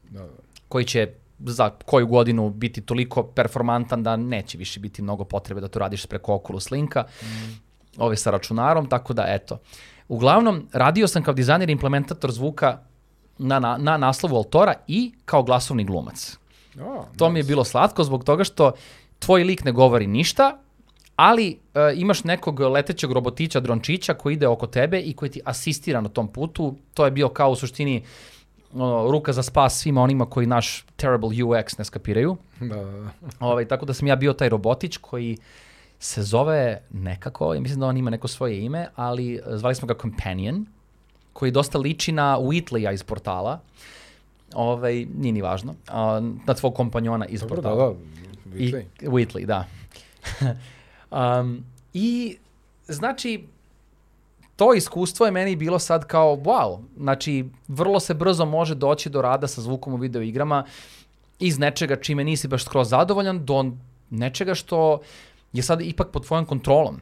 Dakle, kreativna kontrola, dizajn zvuka je tvoj, implementacija zvuka je manje više tvoja, Uh, glasovna gluma je tvoja i neposredno i jako blisko sam radio sa kompozitorom muzike tadašnjim koji je bio cool. full time Apexov kompozitor Nemanja Rančić, odličan momak koji je ono synthesizer aficionado koji a, mnogo voli tehniku, mnogo voli Hansa Zimmera i taj hibridni elektronski slash tradicionalni orkestar fazon. ima i svoju, inače, solo ja karijeru. inače fan. Da. Ali molim te završi prvo da čujemo za taj projekat. Da, da, da. Pa mislim, hteo, samo sam hteo da kažem da Nemanja Rančić ima svoj samostalni projekat koji se zove Kortiko, koji je neka elektronska muzika njegova, neko je njegovo igranje sa synthesizerima, koje čak ima i na Spotify-u jedan EP, produženi, odnosno produženi EP, to je produženi, produženi, e, e, kako se to zove, pa ne, extended play, to je Da, to. EP, da. Da, tako da e, postoji tako nešto kod njega ovaj, da se presluša na Spotify-u. Mislim da je to nešto što bi se dopalo. Imaš ovde jako lep sistem kod kuće na kome to možeš da pustiš, imaš i woofer i ostale, tako ostale prerekvizite, ali da, e, interesuje me šta je tvoja kavga sa Hansom Zimmerom. Hans Zimmer, o, don't get me started. Ali pazi, uh, pričamo o Hans Zimmeru, ali da li si za pivo? Ha. Oh, it's about to Aj, get prvo, spicy. Da, da, Ajde. bilo, je, bilo je vreme, bilo je vreme. Ajde da uradimo to Lekiću. Ovaj, da. Dobro, Hoptopod, ekipa, Dogma, ceo fazon. Opa. Ti Aha. voliš Hoptopod veše? Ja najviše volim Smash. Smeš. Kad ga ima. dobro, dobro, dobro, da, da, da. Da. Legit, legit. Najviše volim, ne, ne, pre svega, ja ovo vidim kao dogma. Uh, Hoptopod je meni cool, ali ono, New Pills on the Block, Smash, Moja miljena, da. a, kako se zvaše onaj, imali su Kozak's Whip, ali on je nešto užasno jak, tipa 9%. Wow, to, to ne bih... Probao bih kurioziteta radi glitljaj.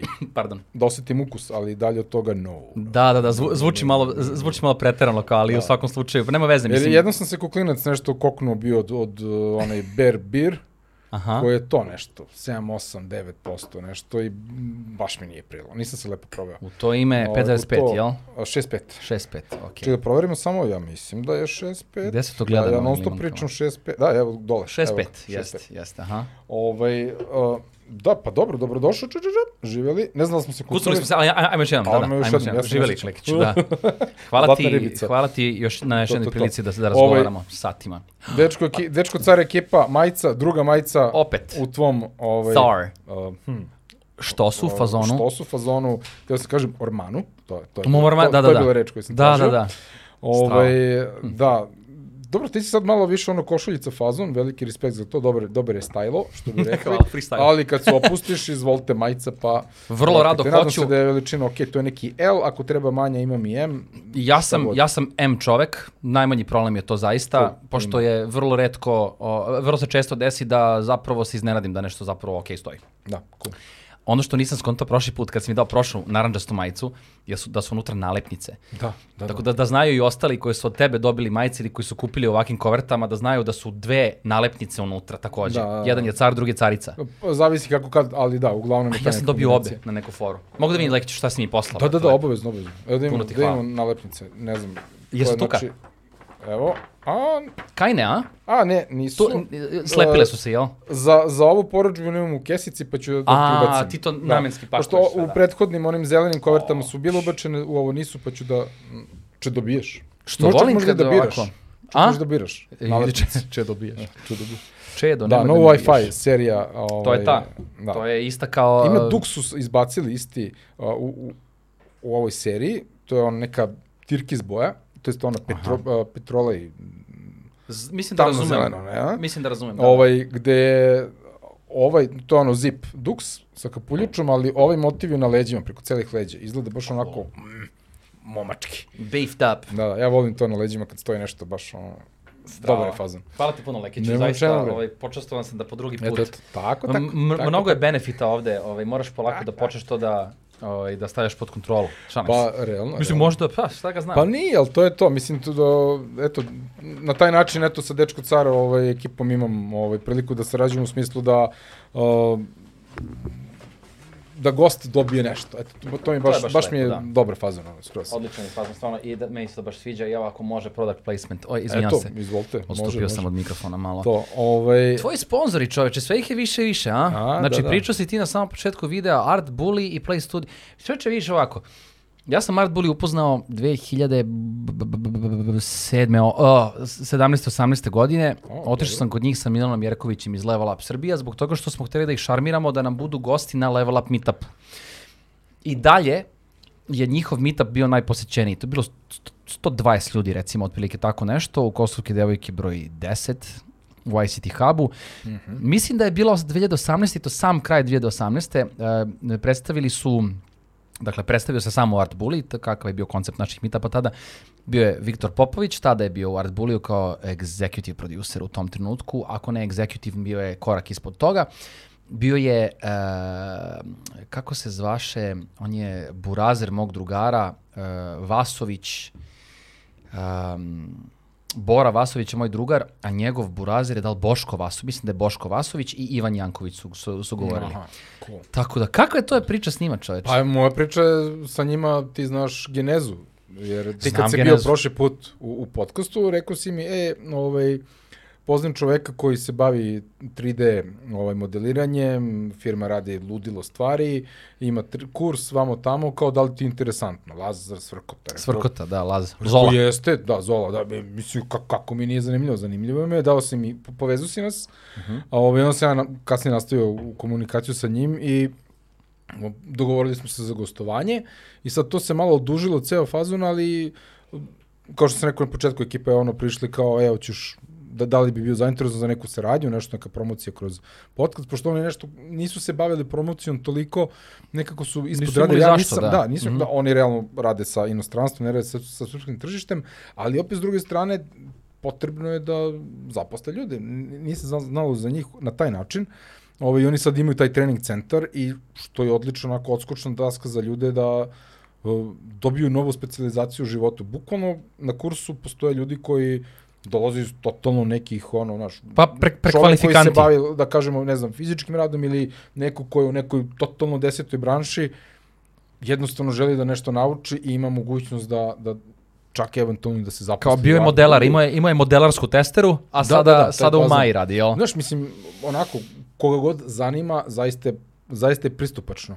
Ovaj, to, to isto ono, postavlja se ono pitanje, kako da uđemo u gaming industriju? Pa, eto, ovo možda može da bude način. Da, to sa kursevima je super fora zbog toga što, znaš, oni realno organizuju tek taj, ta, taj kurs da je ipak ono kao, to je neki vid biznisa, onda najbolje sa tog kursa ubace u pipeline i tako kreće karijera. Mislim, to nije Probaju ništa ljudi neobično. Dođu, dođu, rade, ne, ono, Je, da, privremeno da vide da li, da li to funkcioniše, da li, jer tempo rade je brz kad se radi na AAA. Šta si rekao? E, A, izvini, molim te, nastavi, izvini. Aha. Uh, kad, kad rade na ono tako visoko budžetnim igrama, Aha, da. postoje rokovi, postoji, ovaj, plus što e, Art Bull ekipa vrlo to lepo hendluje u smislu da ne žele da nabace previše pritiska na tim, ali rokovi postoje. I sad mora da se isporučuje redovno, eto tako da kažem. Tako da ovaj ako nekome prija takav način rada, da, ako ne, imaš skill, možeš da radiš u nekim drugim studijima, možeš sam da nešto praviš, tako dalje. Tako da, Ma to su, al, Meni ali, je fantastično što sam ja ušao u tu da, priču. da, da, da. Uh, ja se verovatno neću baviti time profesionalno u smislu da će mi to biti posao, možda i hoće, jer opet zanat je u ruci. Ti kad kažeš ušao u tu priču, pošto si tak, takođe polaznik kursa, jel? Tako, ja sam polaznik kursa, da. Da. to, to. Znači, idem sve. Sad ja malo, malo sam, najlošiji sam student u trenutnom ovaj, momentu, jer previše imam obaveza. Po, dvoje i dece, posao. Posao, podcast, podcast video igra. Da, um, bome, da, bome. ali to znanje, ja sam sad već naučio jako mnogo, gde ja sad sa nekim ko se bavi 3D-om, 3D modeliranjem, Možete se sporazumete. mogu, Ako ništa. mogu da razumem Da. o čemu priča i možda mogu neku ideju da sad na, kroz taj lingo ovaj, objasnim. E, e, e. e. Što je meni mnogo bitno, jer ako ikad budem došao do, do tačke da pravim svoju igru, da imam tim... Ako budem toliko nisko pao. Da, da, da, ne, ako budem toliko visoko otišao Aha. u mojoj glavi, ovaj, da zaista radim na igri svojoj, uh, da onda mogu i da pričam sa ljudima, ako treba da se krančuje, brate, da onda uzmem i da... Da ispelješ ruke. Pa da, bukvalno, jel treba se modeluje, ne možemo stignemo frka, daj, ja ću da radim blockout, radit ću ono, Strava. osnovne stvari, pa će neko da profit to preuzme. Tako da mnogo mi znači, baš mi, ovaj, dobio sam taj insight. Da, bome, da. Sup, znači vidiš, eto, oni, da, on- oni su imali uvek nekako taj stav da, e, to jest, ja, ne oni, ali jedna druga ekipa, pomešao sam, izvinjam se, ali ne čudi me da oni nemaju mnogo potrebe da se sad nešto vide. Ali, e, tako je bilo do sada, jer oni su B2B. Oni Tako su je, biznis koji rade za drugi biznis. Sad su se okrenuli prema krajnjim korisnicima. Sad mora malo više da se zna za Art Bully, očigledno, zbog toga što na te kurseve ne dolaze ljudi iz drugih biznisa. Mislim, Tako je. Dolazi iz drugih biznisa, ali ne dolazi iz inostranstva. Pa, mislim, ok, pretpostavljam i to, znaš, ali prevashodno, kao što ti kažeš, prekvalifikanti, ljudi koji su u fazonu, neću više da radim kao sportski terapeut, hoću da radim ovo. Tako da super, baš mi je drago to Ima da čujem. dizajnera, ima uh, slikara, ima ar arhitekata koji hoće da Jeste, iskoriste da, da. to znanje za arhitektonske Da, i, projekte. to su dosta lo, logični onako, neki potezi, ali ne bi me začudilo da tu vidim, brate, Imamo vulkanizera. tatu znaš. majstora. Imamo tatu majstora, čovjek koji je uh, um, art. A da nije slučajno onaj deki, Uh, tatu majstor, nije, jel? Nije, nije Deki. Nema veze, aha, aha, Darko. aha. Darko, Darko, okej. Železnika. Aha, Darko, Darko Železnika. Da, pa je, Ovo da. mi je toliko falilo Ne, da čujem. je, odličan. Darko i Železnika, znaš, nije više ono kao, ne znam, Do, Darko Jovanović, znaš, Da, nego da, je da. Darko i Železnika. Ta, tako se znamo, razumeš, tako To zna, je ali da to majstor koji onako kida, brate, lik, razumeš, ali Da. ovo je sad totalno novo okruženje za njega, na primjer, Naravno, super. fantastično, mislim, baš onako šarena, ima ne, 13 polaznika 13 momentu. polaznika, dobro. Ovaj, Znači, tri put je tu, nedeljno. Lazar ima dva asistenta, znači njih troje rade sa nama, Lazar održi predavanje i onda ovi uliću pomožu nam da da izmodeliramo to što je Lazar pokazuje. On kad radi, to tako izgleda lako. Znaš, fuzon, aha, sad ću ja to. Aha. Hoćeš, hoćeš. hoćeš, hoćeš. Sad da brate. Hoćeš, ali malo kasnije, po Da, završetku tako kursa, tako, je, Tako, je. Ovaj, tako da super super. iskustvo. Baš sam ovaj, onako, osjećam znaš, jako mi je ovo, ja, ja sad ovo ne znam, u kancu, popodne, dete došlo iz škole, ja završio s poslom i sad tu radim, znaš, ja imam kao, ajde, sad ću onda radi domaći. I, tata, šta radiš ti? Pa rekao, radim domaći. Pa i ja radim domaći, zajedno radimo domaći. Pa rekao, sad da vidiš, eto. I onda se pored mene i onda zajedno, ja u maji kokama, on matematiku ovde cepa i, mislim, carski. Cepa baš sam se matematiku. osjećam onako, uh, znaš, Strava. da, da. A šta je fora sa Play Studios? Evo, mislim, ja, eto... Ti ne- znaš sve ljude, realno, da. Pa ne, Mislim, mislim, ti, ti si me povezao, kao što sam rekao, povezao, ti si kumovao moje vezi sa Art Bullijem. s Art Bullijem, Da. da, da, da, da, to je Ovaj, bilo... A Play Studios, opet, uh, uh, došao sam u nek, nekako u kontakt pa, uh, sa Pavletom. Sa Pavlom Janićem. Janjićem, tako je. Aha. Ovaj, on, upoznali smo se na producentskim večerima. Da. To jest, prvo u stvari na onom meetupu gde je Level Up Srbija uh, Da, da, da. organizovala Na tih. kroz uh, producentsko veče i onda sledeći put smo se, ne znam, opet smo se sreli i tako dalje i uh, ne znam, tako kroz neku priču kad je on prešao u Play Studios iz Tami Gamesa, onda je bilo kao, da li bi možda kao oni bili zainteresovani za neku saradnju, onda je pričao sa, sa Nikolom i eto, došli smo do toga da su oni podržali Insert Coin da, da odem faktički na, na, na reboot, Mhm. da tamo uradim ove neke reportaže, evo sad su te reportaže konačno izašle, sve, male potrela montaža, ali okej. Uh, powered by, to jest uh, supported by Play Studios uh, i evo sad su, da kažem, u programu Insert Coin u smislu kao, kao partner. Tako da, onako, veliki respekt za njih, uh, hvala na, na podršci, mnogo znači realno za, za podcast i meni se sviđa što oni rade, jer ono, samo ta ono, kao Tetris franšiza, brate, znaš, kao Tetris... Da, oni imaju pravo na, pra, pravo na tom... Uh, Jeste, na, na toj... Kao što, kao što je to, na IP-u, IP-u, na, da. na, nad IP-em, da. Ovaj... Ja, Ovaj, ja sam kuklinac na u buvarama igrao Tetris na, na fizičkom automatu. Mm, da, Toliko sam- bože, bilo je varijanti mator, toliko Tetrisa. Da, da, da, da, da. Tetris. I Donkey Da, Kong. mislim. Sve se, sve se zvalo Tetris. Mislim, da. Da. naravno, siguran sam da si igrao Tetris, nego se ja sećam šta se sve zvalo Tetris, ono. Sećam Pa se za da vreme je... 90. godina oni plastični. Brate, E, ti plastični su se zvali Brick Game, to se sećam. Jel tako, ba, da. Nije smelo se zove Tetris, pa, naravno. čak ni ovi na pijaci koji se prodaju, nis, nije, nema šanse. Ja se sećam čoveče na zelenom vencu, bio sam sa majkom 90 koje? Ne znam, 94. Aj, kupimo Tetris, aj kupimo Tetris. Ne može, sine, 10 dinara je. Aj, jao. Da, HC, HC. Okej. Da, Ali da. HC u svakom slučaju, da, e, baš mi je drago da vidim da, da Eto, ovaj, eto tako de, dešava se, da. polako Mhm. to ide, ni- nije sad to neko, da kažemo, a, ludilo, ali, uh, znaš, meni je od samog početka sa Dogmom, sa Monsterom koji mi, s, ko- s kojima imam partnerstvo na nekom BTL nivou, ne na ATL, znači ni- nisu Aha. vidljivi, njihov model je takav, ali o, i oni isto podržavaju podcast u nekom vidu, ovaj, i Dečko Car, i, znaš, i evo sad, Art Bully i Play Studios, um, Nitea, mislim, sa ovim, znaš, To su skupe, skupe stolice. Ti kad kažeš su dobre, Nitea, znaš. čoveče, pomisli na, da imaš neku ortakinju koja ti donosi stolice. Da, da, Ti ne, bukvalno mi tako zvuči. za- Zato što meni ni te, ja, ja, se, ja se ložim na, na, na Herman Miller, gen, generalno Ja, ja, volim taj malo dizajnerski nameštaj, ali u tom baš ono, usmereno ka industrijskom dizajnu, ne Da. na um, Armani, Versace, taj fazon, nego onako taj neki dizajn, da ga tako nazovemo. Ovaj, I znam za, Nite, za Herman Miller, za Vitro, a sve to radi Sve Nitea. Da. I onda ja tako zna, znam za njih. I oni su mi jedan od, od prvih sponzora, prvo, na Dečko car, znamo se, uh, Dogma, oni su realno prvi uleteli kad je, kad je krenula ova video varijanta podcasta.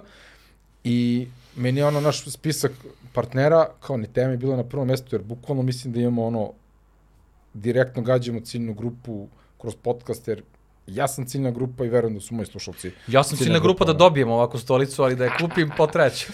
veruj, veruj mi, vredi svakog dinara. Ja sam, Znam, pre nego što sam dobio ovaj, ovaj partnerski ovaj deal sa, sa, sa Niteom, ja sam imao Hermiovu stolicu, stolicu, evo, tu mi je ovde. Da, Donao znam. sam je u studiju ovde. S tim treba rasti, znaš, to je... Sećam se, ovaj, ja za Millerke u principu nisam znao, ali zna, znao sam kad ih vidim, a onda je moj drugar Dulje, Dulje, Dulje, moj drugar Dule Maljković u kancelariji ima Areona. Ja kad sam vidio... Aerona. Kako? Aeron. Aeron, a nije Areon. Kao Aha, Aeron. Areon je onaj Kao osveživač vazduha. Tako je, bukvalno. Fuj, okej. Inače, ti imaš taj osveživač vazduha neki ovde, Ima neki, da, neki Joj, kako to mene prepadne, brate mili. To kad, kako samo kine na tebe, kao dobro. Ali znaš šta je fora? To radi, to okida na 9 minuta, Ili na 18 ili na 36, znam. tako je, ali šta je fora? Ne prepadnete svaki put. I u tome je problem. Brate, or, ortako, ko- kod ortaka u studiju muzičkom, svaki put kad Svaki sam put, tamo a. bio ranije, ono, o, Ne, ne, ne. ono, ono, ono kine na tebe, ja, e, otprilike, znaš, me, meni je još plus, brate, ono kao, dobro, Da, anyway, ja malo da. preter, Mogu nego- bih njih da, da, da vid- pitam za partnerstvo. Znaš, Ka- i da njih? sponzorišu, da. A, a moralo, moralo bi da bude ovde, pa onda kine Da. na svakih 18 minuta i ti kao, a, pa da, Hervik, znaš, kao. Zavisi svakih 18 minuta kad kine, to Ne, sranje. 9, normalno 9, brate, idemo Na hardcore, brate. Da, jer ljudi da ono kao Ali bendenuju dva klip. komada ono- pa usta, naš, pod malim nagivom. Znaš, da se zna da je Ervik pustio ili kogod da je, brate. Joj, bože, sad mi pada na pamet neka totalna fucking bizarnost. Zamisli da umesto, umesto osveživača vazduha staviš a, rasprašivač sa osveživačem za dah. I da onda... I da ti uđe u da, oči. da taj, da, da taj, da tajmuješ tako da kad prsne, ti ga pipneš na satu i na svakih 9 minuta samo ozineš i čekaš da ti ali, postane. ali, oh. O bože, ko je to? Joj, nemam pojma. Da ti imaš naučer, ali ja nemam naučer, znači ja bi ono dobio Kako palio brisače, brate. mentol u oči. Da, da, ono.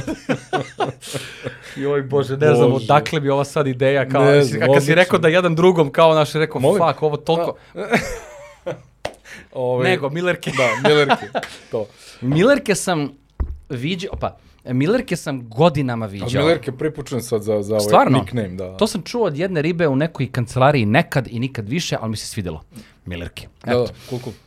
Godinama viđao po časopisima iz audioprodukcije. Jer su Millerke Da, svaki klasika studio, u studijima, velikim mixing stage-evima se tu nalaze.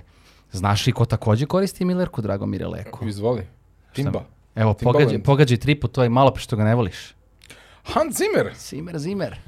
Nego Zimmer, šta? Zimmer, Zimmer. Zašto ne voliš Hansa Zimmera? Inače, meni je to skroz cool, I don't care. Ali, znaš, ljudi otkidaju na Zimmera. I can elaborate, to je, znači, By all means. nije, nije, nije, uh, nije Nisi izvukao to iz prost fioke. case, Da, da, da. tako je. Uh, kao, znaš, zato što je Nemac i ćelo, znaš, kao, ne, niđe vez. Ne, ne, ključ je u tome što, Is it because I'm German and Ja, bald? German, ja. Uh, the, one note mi je lik. Znači, apsolutni car. Dobro. Uh, znanje, skill, implementacija, masivni respekt i tu nema šta se priča. Dobro. Ja, ovo je možda finesa, možda moj neki ono lični grajp ili kako god da ga nazovem. Potpuno je nebitno ovaj, za ceo svet moje mišljenje, ali imam mišljenje koje potiče iz toga što je on, malo mi je standardan mm -hmm. u svom muzičkom opusu, gde je, što bi rekli, braći Smedera, preteran. Znači, bukvalno preteran, uh, on je sav, o, i, malo. Znaš, malo se opusti, druže. Ja razumem da si Nemac i da si ono super precise i sve. Daj malo duha u svojoj muzici. Zašto moraju svaki put horne? Zašto moraju ti basovi? Basovi uvijek treba da biju. To nema problema. Ali to je lu. Brate, daj malo ono, malo se opusti. I, sva moja muzika, ta od onoga što sam ja gledao od filmova. Možda, ja, ja čak i slušam soundtrackove i to, Da, ali da, da. njegov soundtrack ne mogu da slušam. Jednostavno, probao sam, ali... Mm, Ja znaš šta mislim? Ne mrzi... Izađe ne, ne, ne, mislim da ti, Ne, ti taj meni, tvoj ti stav meni, ti treba meni malo da kažeš. vi iskulirate da ti ja kažem. Jel ti me pošalješ napolje? Vidi. Uh, tip sa kojim možda treba da imaš bif u vezi sa Zimmerom uopšte nije on, nego Alan Morrison. Tip Dobro. koji miksuje njegovu muziku godinama unazad.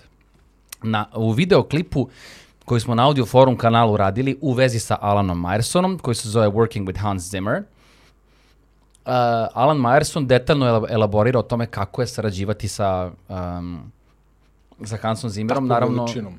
sa takvom veli... Da, e, ne, sa specifičnim radom Hansa Zimmera, uh, načinom rada, zašto on voli te hibridne pristupe, malo elektronika, malo tradicionalno, malo egzotično, malo tt. I onda Alan Morrison je pričao o tome, međutim, Alan Morrison je mikser muzike. Znači, Alan Morrison uzme što je za Hansa Zimmera snimljeno, a by the way, Hans Zimmer radi tako što uđe u sobu gde su njegovi ono puleni i kaže i onda oni važi. Deset, ne, deset varijanti. I onda oni raspisuju to. Da. Znači on dođe, otpeva melodiju, postavi neke fundamentalne vrednosti, kao što mnogi veliki umetnici rade, veliki slikari rade na istu foru. Kao slika treba da p, p, p, p, p, p, i onda dovate ovi e, prašinare mesecima. Tako i sa Dobro, Zimmerom. v- on verovatno pomagači za slikare, oni rade ono razvoj slike, onda na kraju slikar kad je to urađeno, onda je on od nule nacrta verovatno, ali naslika. Ne baš. Jer razrada, razrada dela je vrlo to je najduži čak možda posao. Pa, verovatno, Ne znam dovoljno, ne znam dovoljno, da, ali postoji ne znam razrada ni ja za dela, te, ja nisam da, znao za to. Za neke slikare znam da... Znači, slikarnje nije ono kao sad ću ja da uzem da naslika, nego postoji studija dela gde ti provodiš vreme da izanaliziraš kako Mhm. ćeš da pristupiš, koja, koja je paleta, koje motive, mnogo tu ima posla. Varijabli, da. Predprodukcije jedne slike. Je- Siguran sam. Siguran sam. Znam za jednog slikara japanskog iz nekog vrlo pouzdanog izvora da e, tip koji je za njega radio je vrlo ozbiljno i teško radio za slike koje su na kraju konačne. Dakle, siguran sam da su radni, pro- radni procesi različiti, ali recimo u slučaju Da, sa dobro, Hansom... neko ima koga žrkne, brate, iz ruka. E pa Hans Zimmer je, koliko, koliko ja o tome znam, manje više tako nešto, e, s tim što naravno nije toliko banalno kao što sam ja potencijalno opisao. Dobro, naravno, da. E, ali onda Alan Myerson dođe i to sve mora da smiksa što se snimi. Sva ta orkestracija, sve se to snima. Ali Horna je Zimerova. Šta? Horna je Zimerova, to nije Alan Myerson. Sam dobro rekao. A ne, ne, ne, je, jeste, jeste, razumeš što hoću da kažem. Izbor instrumenta, aranžman, potpuno I- se slažem. Znam, znam, naravno. Ali to što govoriš u vezi sa veličinama, basovima i tako dalje, vrlo Ne, je ja kažem, bas je verovatno... uvijek dobar, znači, št, Da. basa nikad dosta, ovaj, barem kod mene. A, ali ključ u tome, ti sad imaš filmove ovaj, Christophera Nolana, koji su Hans Zimmer, Da. i sve je isto. Ti imaš Dunkirk, I suppose, da. imaš Dunkirk koji je muzički isti kao Inception. Mhm. I muzički isti kao Batman. I muzički isti kao Interstellar. Da, razumem. Razumem I što hoćeš da muzički kažeš. isti kao Tenet. Ali nekako i ti, i ti sami filmovi su potencijalno po nekim drugim svojim izraženim sredstvima vrlo isti, odnosno slični međusobno, jer cater- cateruju vrlo specifičnim publikama, jel? I to mora je, da ima i neka to je načela. moj opet gripe sa Christopherom Nolanom. Da, siguran sam, da. E, ali, Mm. uh, Hans Zimmer plays the ball. Verovatno je možda to što Nolan želi od njegove muzike. Ali onda sam isto tako gledao Dinu, koju je radio Zimmer. I Ja. isto se desilo. Mislim da je Mark Mangini takođe dobio Oscara za Dinu to sad. dobro bilo, ali to ne znam, ne znam što on je radio editu, jel? Ne, a, on je Mad Max Fury Road 2015. Aha. dobio Best Sound, a, kako se zove, je se beše zove Best Sound, ne, Mix. nemam pojma, ne, Best Sound Editing, Editing, mislim da je editing, dobio editing, za to, a mislim da je za Dinu isto dobio Oscara sad, tako da da, on ređa. Ali, Da. znaš šta nam je Mark Mangini pričao jedno, izvini što te prekidam, Slobodno, ali, znači, please, ti, please i, imamo klip i sa njime, sa Markom Manginijem, ali ovo što ću reći sada nije nije nešto što je on rekao u tom klipu, ali je rekao, ali je rekao na predavanju 2018. godine na Izvini audio samo, forumu. pre nego što nastaviš, Mad Max muzički, sad insert onog lika sa galaksijom. Aha. Ja ne znam ko radi muziku za, za Mad Max. Ne, ne, a, a sound design. A, sound design si re... To, Aha, na to, to, zašto je čovjek dobio Oscara, to je ono, I- Ima, ima zašto da ga dobije, nego što, pa da, on zajedno sa David Whiteom, da. Pričao nam je Mark Mangini o tome kako je danima, to je u, u- u snimku celog predavanja sadržano, ali ne i u klipovima koje smo mi izbacili na naš audio forum YouTube. Bravo. A, da, s tim klipovima ćemo jednog dana uraditi nešto, samo nije još vreme. Ovaj, pričao je o tome kako je sedeo u hladnjači nekoliko dana sa pingvinima. Jeste pričao o ovome? Dude, Ovo je toliko slatka priča. Znači, nije nešto duga. Cela fora je u tome, trebalo im je da snime neke, rekao bih, specifične pingvine. Kako to glupo zvuči, specifični pingvini. Zvuči kao ono indie rock band iz Pingvin- Srbije. Ja, reci, specifični pingvin. Imaš Speci- lake pingvine i Imaš lake pingvine, specifične pingvine, nežne dalibore. i 30 ne znam godina kasnije, 30 godina kasnije. kasnije, da, da, da, da, how Posle lakih dolaze specifičnih pingvini. to je to, brate. Nije pola, pa, da. Laki pingvini, inače obožam taj bend. Stvarno? Da. Eto, viš, nikada, ja ne znam kad sam, da sam, kad sam posljednji put Ja sam, ja sam od mog drugara Vlade Perića, komšija ovdje iz zgrade pored. A drugog Vlade Perića. Da, ne Vlada Perić, uh Mhm. -huh. Three Swords Games, nego moj drugar iz, iz klupe, iz osnovne škole. On mi je dao, ovaj, za rođendan sam dobio od njega kasetu Lucky Pingvini. Meni se to toliko nije doba, dopalo, da sam je bacio ono u Sacrificial Pit i izboje uh, uh, uh, šestarom. Koliko mi se nije dopala muzika detetu tipa šesti, sedmi razred, ono. Baš sam bio u evi, ovo je odvratno. To iz Zvonka Bogdana od Keve sam ukru kasetu i izboje šestarom, sam bio u fazonu, ono, Znaš, ono, malo premotam, pa izbode na par mesta, pa premotam, pa izbode na par mesta.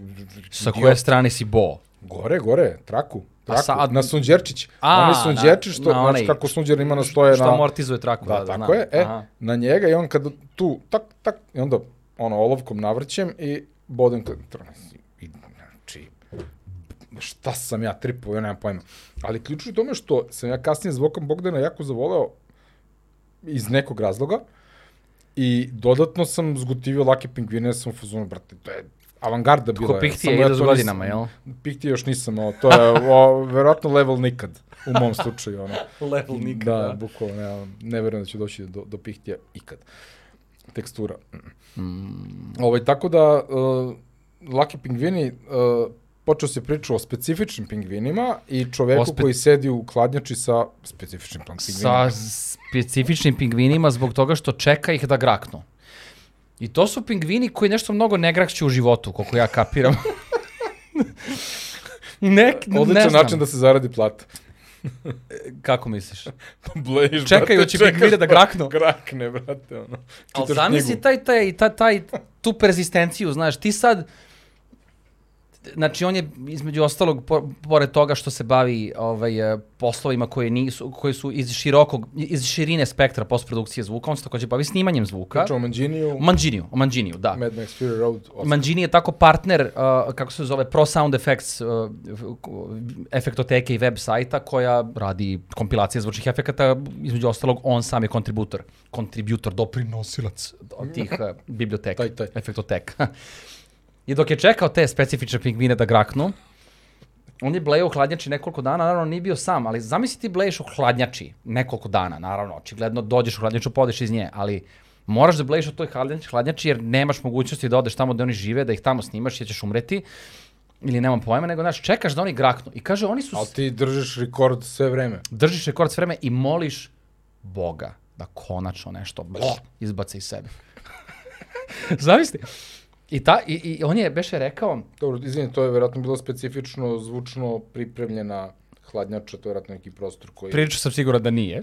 Pa ne, ali kao, moraš Zvučno- da ga uhvatiš kada grakne. Pa znam, ali, ali Kako ćeš da ga, koji će od njih da grakne, gde, gde je pa znam, ali mikrofon? ko će da ti napravi akustički obrađenu hladnjaču, baš, znaš, ono da bi hvatao specifične pingvine kako grakću. O, posle sve bizarnije i bizarnije, zar ne? Da, odlična priča, odlična priča. Ne, ja, ja mislim da je to bila neka, ja, ja stvarno ne znam kakva je bila Dobro, ta ne, da, da, ne znaš detalje, da li je da, pokretna hladnjača, da li je lokalizovana hladnjača. Da, Sed Totalno u kamionu. Ne, ja sam u fazonu, to je objekat neki. Pa, Ja volim da verujem... Hladnjača za maline. Na, e, ja volim da verujem da su sedeli u kamionu. Znači, ja volim da verujem da su Gle, kad si navatali rekao pingvine. hladnjača, ja sam video čoveka koji otvara zadnji deo kamiona. Tako ulazi je i vadi polutke. Znači, ovo ne, je Ne, minus polutke. minus polutke od pingvina. Kao. od specifičkih pingvina koji ne grakću često. Zamisli tu deklaraciju, ono kao Robena. Žas. I anyway, mislim, oni su proveli, on i još neko, zaista ne znam ko, mislim da ih je dvojica bilo, proveli su par dana čekajući da graknu i na kraju su uh, nakamarili svega pet minuta materijala. Samo pitanje. Zašto nisu zatvorili njihovu hladnjaču, pustili rekord i otišli? Ti kao snimatelj zvuka ipak imaš obavezu da se baviš tim zvukom, da ga snimiš najbolje moguće. Ali on će doći nijotkuda, ne znaš kada.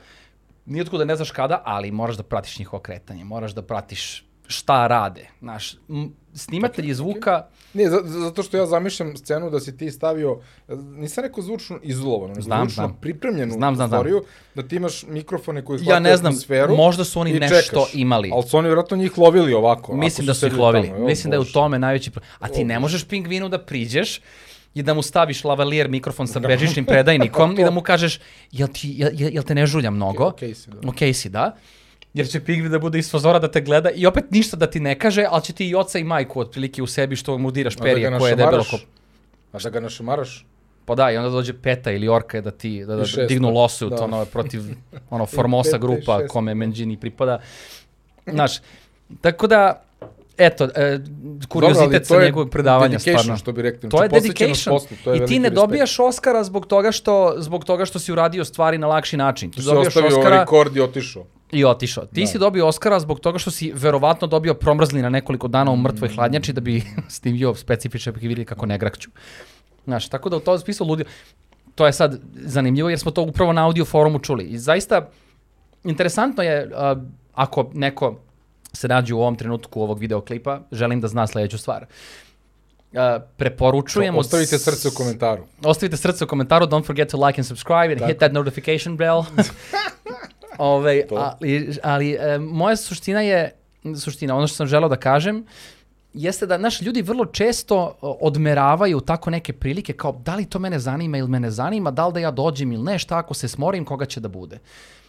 To su naj, najnerelevantnije stvari na svetu. U Zbog smislu toga što konferencije i toga. događaj. Ma. Konferencije, meetupi, tra la la la, radionice, um, izvedeni događaj i slično. Znači, ako postoji najmanji razlog da poveruješ da tamo možda treba da budeš, idi po svaku cenu. Sa, ne, samo treba pođeš od toga, ja ne znam sve. Kraj priče.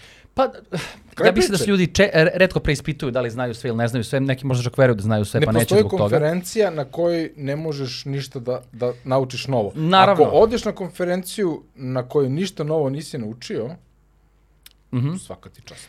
Slažem se, ali znaš Onda šta, znaš da si car. Ovde je, ovde je bitno, e, prodi, mislim ne prodiskutivati, nego, nego istaći samo mindset studenta je, i mladih ljudi je neretko takav da očekuju da od nekog svog truda neposredno dobiju rezultate, potencijalno, ako može, u što kraćem roku. Što će reći, zašto ja na fakultetu mi moram da učim filozofiju kada mene filozofija ne zanima i šta će mi to u poslu snimatelja i dizajnera zvuka? I znaš, jako je teško nekome objasniti zašto je bitno imati takvo iskustvo, jer treba da imaš to iskustvo da bi znao zašto je bilo bitno. Ne mogu ja tebe da ubedim, hej, uzmi i studiraj jer to će da ti bla bla bla. Verovatno nikome nikad nije edukacija prodata na taj način.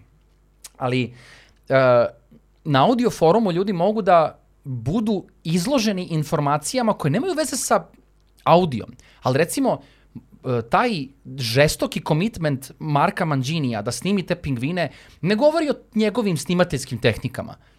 Govori o profesionalnom radu.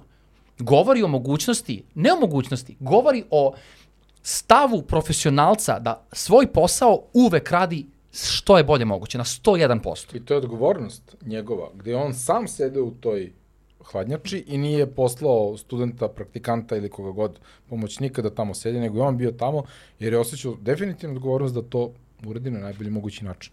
Tako je, i, i tako je, upravo si za, za odgovornost. Znaš, i vrlo je često sad ono, problematično diskutovati na temu šta znači biti profesionalan. Ja sam recimo istog tog Alana Myersona 2016. godine na audio forumu, kad još nisam bio deo organizacionog tela, tokom Q&A sesije uh, na njegovom predavanju ga pitao šta mislite da je ono što vas čini profesionalce? Uh, dobro. I on, uh, imamo i dalje taj snimak, Zato što sam bleo sa ping, pingvinima. a to je Alan to je Myerson, on je bleo sa Mizimerom. Aha, ne, a kako se zove drugi? Mark Mangini. A, Mark Mangini je blejao sa pingvinima. Okay. Bueno, bueno, bueno, bueno, bueno, Mark. Mangini je blejao sa pingvinima, a Alan Myerson je blejao sa Cimerom. E, Znaš, da Cimer nije Hans Cimer, zamisli koliko je bizarno ovaj, ovaj iskaz. Apsolutno. Jedan blej sa specifičnim pingvinima, drugi blej sa cimerom. Zvuči kao vic, ono idu dva naduvana lika ulicom. Ne, ne, ali, ali to su dve, dve krajnosti spektra, jer imaš čoveka koji bleji sa super specifičnom bićem, da. a ovo je bleji sa cimerom koji smo svi verovatno imali nekad u životu. Ja, to, ja, to me, ja samo kratak intervencu da ti ispričam vic za koji ne znam da li znaš. I, i, idu dva ušikana lika ulicom i naiđu na tablu na, koji, na tablu na kojoj piše uh, servis Disney i Pumpi. I je lik dođe i kaže, e, Tevra, znam, brate.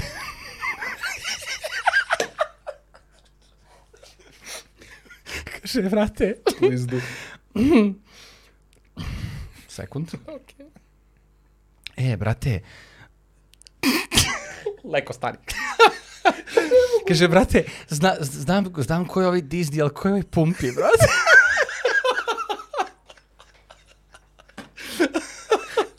Pumpi. Još je to meni svoje vremeno ispričao je jedan, to jedan dobro, drugar kolega iz je Apexa to koji je dobro. toliko dobro ispričao taj vic, jer je tako nekako visoki šeprtlj, si dobro, znaš je Pumpi. Ja sam, ja sam, ja sam se prevrnuo.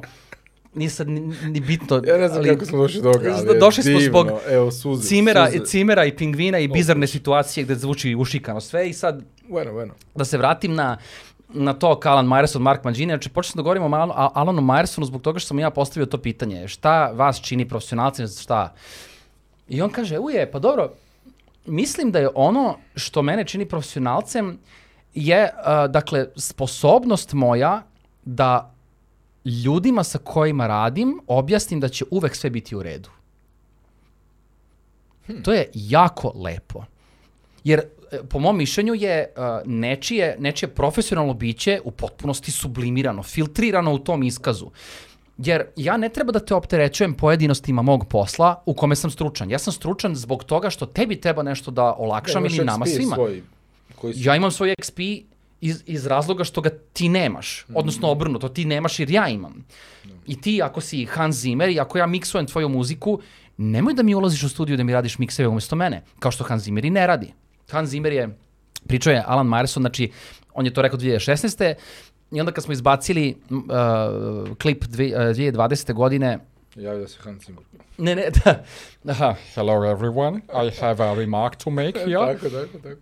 A, e, kad smo izbacili klip sa Alanom Myersonom, opet taj snimak koji je bio iz 2016. E, e, pričao o tome kad je miksao uh, Pad crnog jastreba, odnosno Black Hawk Down. Je, je, pa dobio, za to je dobio Oscar isto. Tu je taj, taj film je Alan dobio... Myerson nema Oscara, ja mislim. Taj film je dobio uh, sound editing Oscara, to znam. Ali Alan Myerson je radio tokom mikser filmske muzike, a ne znam ko je bio za... Sad ćemo da vidimo odmah. Vidi. Ali nastavi priču dok Da, ja, da, da, da, obožavam taj film. Black Hawk Down E. je meni ono... I, a pazi fora, znači priča, priča Myerson o tome kako kad je miksovao muziku za Black Hawk Down, trudio se da bude uh, sa mnogo, kako se, to, ka- kako se to opisuje u audio svetu, sa mnogo vazduha, sa mnogo prostora, lepo, uređeno, sve spakovano kako treba. I sad citiram, uh, citirao ga je i Alan Myerson, sad ja citiram, Mar, uh, znači Cimera je citirao Myerson, ja sad citiram Myersona, kad mu je ušao Hans Zimmer i preslušao nešto što je on radio, i kaže, Alan, that sounds very, very good, but you are mixing the wrong movie. I kaže, mora da bude mnogo grozniji, mora da bude mnogo prljaviji, mora da bude mnogo oštriji, krutiji, malo vina. I to su neverovatne te neke finese. I sad, e, ovaj, šta je tu Myersonova, uh, odnosno suština Myerssonovog odgovora na pitanje šta vas čini profesionalcem, on je prihvatio to, krenuo se i uradio to, bez da je rekao, pa evo te, znaš ti koliko sam ja vremena uložio ovo, sad ćeš ti da dođeš i meni tu da pokarabasiš sve, pa daj čoveče, znaš ti koliko sve košta, pa sad treba da zovem, brate, tamo slađu iz produkcije, pa da je to saopštim, pa da si ti čoveče realan, pa to ti je Ama muzika, može, pa ti će sve to, da, svi će to da gledaju bez zvuka, mislim, bez... Šta Znaš, se cimaš, brate? Tebra, nema toga.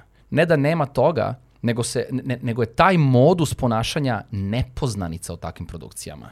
Tako, evo, našao sam, znači, da, Best Sound, uh, be, best sound Michael Minkler, Myron Nettinga, Chris Munro.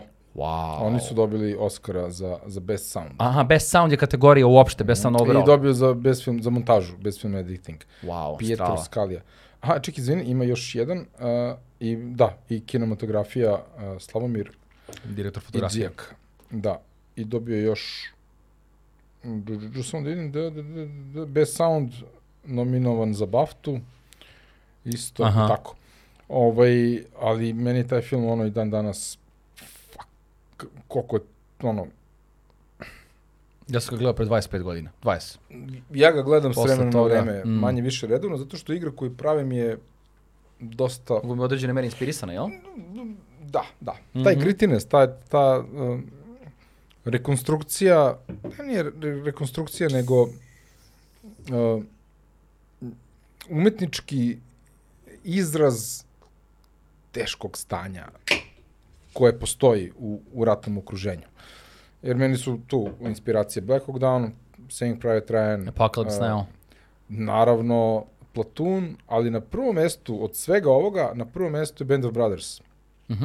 mini, mini serija HBO-a koja je bazirana na ovaj filmu, to je produkcijski bazirana na, na urađena, to su Spielberg i Tom Hanks producirali nakon uh, Saving Private Ryan, gde pričaju priču iz uh, jedne ono, voda Easy Company u drugom svetskom ratu i ja hoću u stvari da uradim Band of Brothers, ali u svemiru. Samo, samo to. A, kontam, okej. Jer je ta, meni ta serija ono, bum. ali Black Hawk Down je, uh, tako to treba da izgleda. Jasno. To je to. Preporučujem ti onda da... Mislim, Full Metal Jacket, ne znam da li si... Full ga Metal. Jacket, Meni je kako ne, morao sam. Ono, Morao sam. bu, meni to možda jedan od, od, od naj, naj, naj. Da. Da, da, da. e, Moje gradivo iz oblasti poznavanja filma je Haos, kao što sam point outovao u prethodnom svom gostovanju u ovom tvom podcastu. Ali nije da ja to, nije da ja to ovaj, ne cenim i ne poštujem, naprotiv, ja sam radio na gomiletini filmova, naročito studentskih i niskobudžetnih i srednje budžetnih filmova, zato što sam morao. Jednostavno, Znaš, e, vraćajući se sada u game audio priču, u vreme kad sam mislio da nema ništa od moje game audio karijere, ja rekao, dobro, znači ja ću raditi kao snimate zvuka na setu, ja ću raditi kao montaže dijaloga, što mi je u to vreme dosta dobro išlo. I eto, da bi se tog septembra 2014. godine desilo da me pozovu iz Apexa i kao sve se onda nekako promeni. A inače, ja sam 2013. u februaru bio na jednoj konferenciji, to je bila moja prva konferencija na kojoj sam otišao u životu, tipa ono, smisleno. Bilo je nekih u Beogradu ranije koji su a, pravili proizvođači audio tehnike, pa su pravili neke svoje prezentacije. To nije bilo konferencija, to su bilo u suštini sales pitchevi, samo zgužvani na To je Metropolu što su organizovali, ali to? Ne. Ne, ne, ne, ovo je bilo u hotelu Holiday Inn. Da, znam da je u hotelu nekom bilo, okej. Da, u Holiday Innu tamo kod Bela Expo centra je, to je Holiday Inn Express, mislim da se zove. Ali nekad je nešto bilo u Metropolu i nešto je bilo u, Savat, u Interkontinentalu. Znam Pa da u neke Interkontinentalu, odnosno u Crown Plaza, e, Crown časopis High Files je svojevremeno pravio neke svoje evente na koje sam išao, isto u hotelu Holiday Inn. Onda je Player, a, prodavnica iz BG-a, Playeru sam- veliki tamo pozdrav. sam ovo kupio. Naravno, pa i Warm Audio, oni su Da, Warm Audio Tronics, da. obe ruke sam kupio kod njih. Oni su super ekipa, oni su takođe veliki prijatelji audio foruma i podržali su nas dve godine za redom i mnogo smo im zahvalni na tome. Johnny i ostala ekipa, Zoki, puno vam hvala. Ove, nadamo se da ćemo se družiti još. Ove, u svakom slučaju, znači, um, player je imao svoj audio, audio video days dve godine za redom, čini mi se, u hotelu Crown Plaza. To znam. Zakupili bi ceo mezanin i onda su po sobama imali neka testiranja i tako To, to, dalje. Jedne godine su imali i kefove Muon spikere koji su bili tipa 200 soma evra, pa su i dolazili su sa posebnim obezbeđenjem, sa ono pravima pristupa, otku znam. Mi išli da ih slušamo tamo na nekom, valjda, na nekom monobloku, zaboravio sam na kom. I ljudi slušaju one stvari. Znaš, meni je, evo da, da se idemo malo opštije u zvuk, pa se vraćamo u game audio. Um, mada game audio nije toliko tema koju ja smem da pokrijem koliko neki drugi ljudi koji ću imenovati. Ali ja nikad nisam bio hi-fista. Ja sam gotivio hi-fi sisteme zato što su mi izgledali lepo radije nego što su mi nešto sad svirali lepo. Meni to da nešto svira lepo ne loži koliko da svira onako kako meni odgovara. Znači to da je... bude upotrebljivo. Znači, To- to je kao što je moj. Voja Aralica rekao, veliki prijatelj audio foruma i takođe muzički producent sa ogromnim track rekordom i naravno nekoliko puta na audio forumu učestvovao kao govornik i, i radioničar, ako se tako može reći, vođi, voditelj radionice, rekao je, najbolji monitori, misleći na zvučnike, su vaši monitori. I ne postoji stvar s kojom ja više mogu da se složim nego, ne, ne, ne, nego ta. Inače je, on 2013. na audio forumu, samo kratak branch, Uh, postoji jedan isečak na audio forum YouTube-u gde je on ima jedno tr- trominutni neki njegov iskaz gde je toliko dobru poentu u vezi sa originalnosti dao da ja najmanje jednom mesečno se vratim na to da ponovo poslušam, iako je to klip od 3 minuta i znam ga na pamet. Ali to što je on tada ispričao, ti, ti nekako po- ponekad, ti ne možeš da veruješ da da odjednom tako nešto, usudit ću se da kažem mudro, ispadne od muzičkog producenta. Koliko god ovo zvuči sad možda bizarno u smislu kao da ja nekoga omalovažavam, ali ne, naprotiv, mislim da su muzički producenti i psihijatri i ono kao stručnjaci društveno-komunističkih nauka. psiholozi. Pa mislim, ponekad bih rekao psihijatri, baš kao lekari Do iz te. oblasti psihologije, da do te mere da oni leče nečiji problem dok sara, sarađuju sa nečim. To je isto tako 2013. godine na audio forumu Saša Habić rekao, kaže, studio je psihijatrijska soba, citiram ga. I potpuno je u pravu. I onda se publika smela, kaže, pa ne, pa stvarno. Ali, dobro, anyway, apropo hi-fi-a, e, bilo je tih evenata, ali e, uvek je nekako nedostajalo tih pro audio eventova u Srbiji, zato sam i otišao u London 2013. godine na taj Audio Engineering Society konferenciju, znači AS for Games se zvao. Dakle, Audio Engineering Society je organizovao namensku konferenciju samo za oblast videoigara. Otišao sam u London, bio nekoliko dana, šta sam imao, 24 godine tad, i ona je mene potpuno oduvalo, ali oduvalo ne nužno u nekom dobrom smislu, jer sam odjednom video dok ja sedim u BG-u nemajući pojma št, odakle da krenem i šta da radim, neko tamo već šipuje svoj treći AAA naslov i ima isto, isto godina koliko ti. Šta ćemo sad? Bila je ekipa iz Belorusije, eh, Mihajl Paramzin i Artyom, zaboravljam u prezime, koji su radili za Wargaming u tom trenutku za World of Tanks. Momci su bili dizajneri zvuka za World of Tanks. Jesu oni bili stariji od mene, ali ja sad razmišljam, sedim u pubu s likovima čiju igru igraju milioni. Sedim u pubu sa likom, Stefanom Šucom, koji, ajde što je radio na igrama, nego što je takozvani sound librarian, bavi se ja, jako mnogo snimanjem i arhiviranjem zvuka i ima pristup letelicama, pristup oružju, pristup čemu odnaš. I odjednom si ti okružen ljudima koji, za razliku od tebe koji sediš u tom BG-u i studiraš, prolaze sve ono što ti vjerojatno nikad u životu nećeš. A, nikad u životu nećeš, e, ne zbog toga što si nesposoban ili šta sve, nego mnogo okolnosti mora da se poklopi da bi ta tvoja strast i ljubav i tra la la la la u vezi sa zvukom mogla da se pretvori u nešto što liči na ono tamo njihovo. Vidiš kao njihovi studenti kakvim, pardon, kakvim e, resursima imaju pristup, vidiš kako njihovi fakulteti izgledaju. E, imali smo posvetu Dolbiju i otišli smo da gledamo jedan odlomak iz Life of Pi, ono na, kad je Oluja na brodu, u Dolby Atmosu. I to u bioskopskom Dolby Atmosu. Dakle, Njihovom. da, Kako treba ali u da maloj bude. Dolby sali, u maloj je, Dolby kako sali gledaš da. Life of Pi. Inače, za ljude koji ne znaju, Dolby Atmos je format reprodukcije okružujućeg zvuka koji sadrži dva wufera i veliki broj diskretnih kanala. Taj broj kanala podrazumeva front, rear, sides i vertikalnu dimenziju.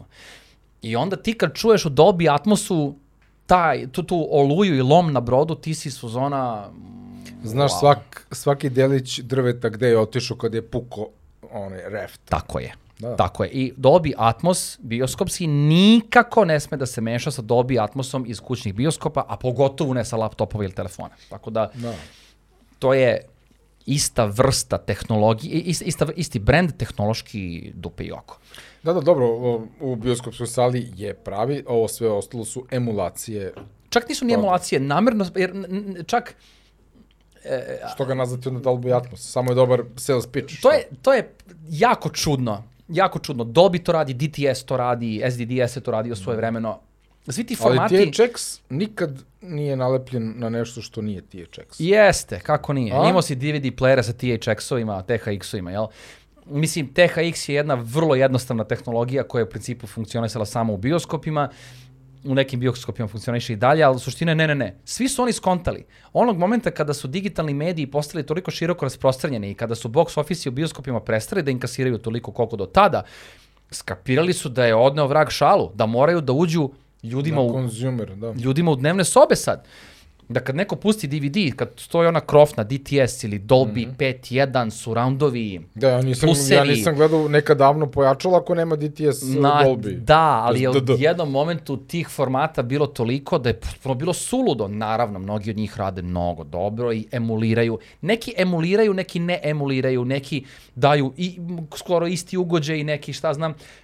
Ali suština je da kad se kaže diskretan kanal, to znači da je u postprodukciji zvuka namenjeno da baš određeni zvukovi idu baš određene zvučnike. Ako Mhm. da emulacije, to može i da se promaši zbog toga što se radi algoritmičkim procesiranjem. Pa Tako dobro, da, to je ono, mislim, ja sam veliki fan, poklonik, pokušavam da pratim, ali ne uspevam, uh, atmosferskog, atmosferskog zvuka, jer ja film kod kuće ne gledam ako nemam 5.1 da radi kako treba. Mhm. 7.1 nema potrebe da ga jurim, 5.1 mi je dovoljan da barem imam tu uh, to rašlanjenje kanala. Jeste. I ja, kod kuće, znači sećam se kad sam prvi put kupio svoj 5.1 neki Yamaha sistem, uh, prvi film otišao sam, kupio sam uh, Black Hawk Down i DVD i tačno. Obavezno. Znači, Dekoduj ovaj kad roka iz. Heliša i kad ispadaju čaure, ja čujem da one tamo padaju. Ne Jeste. padaju na sredini televizora, nego su tamo negdje Da, za mene. naravno, naravno, sa- ali ne bi verovao.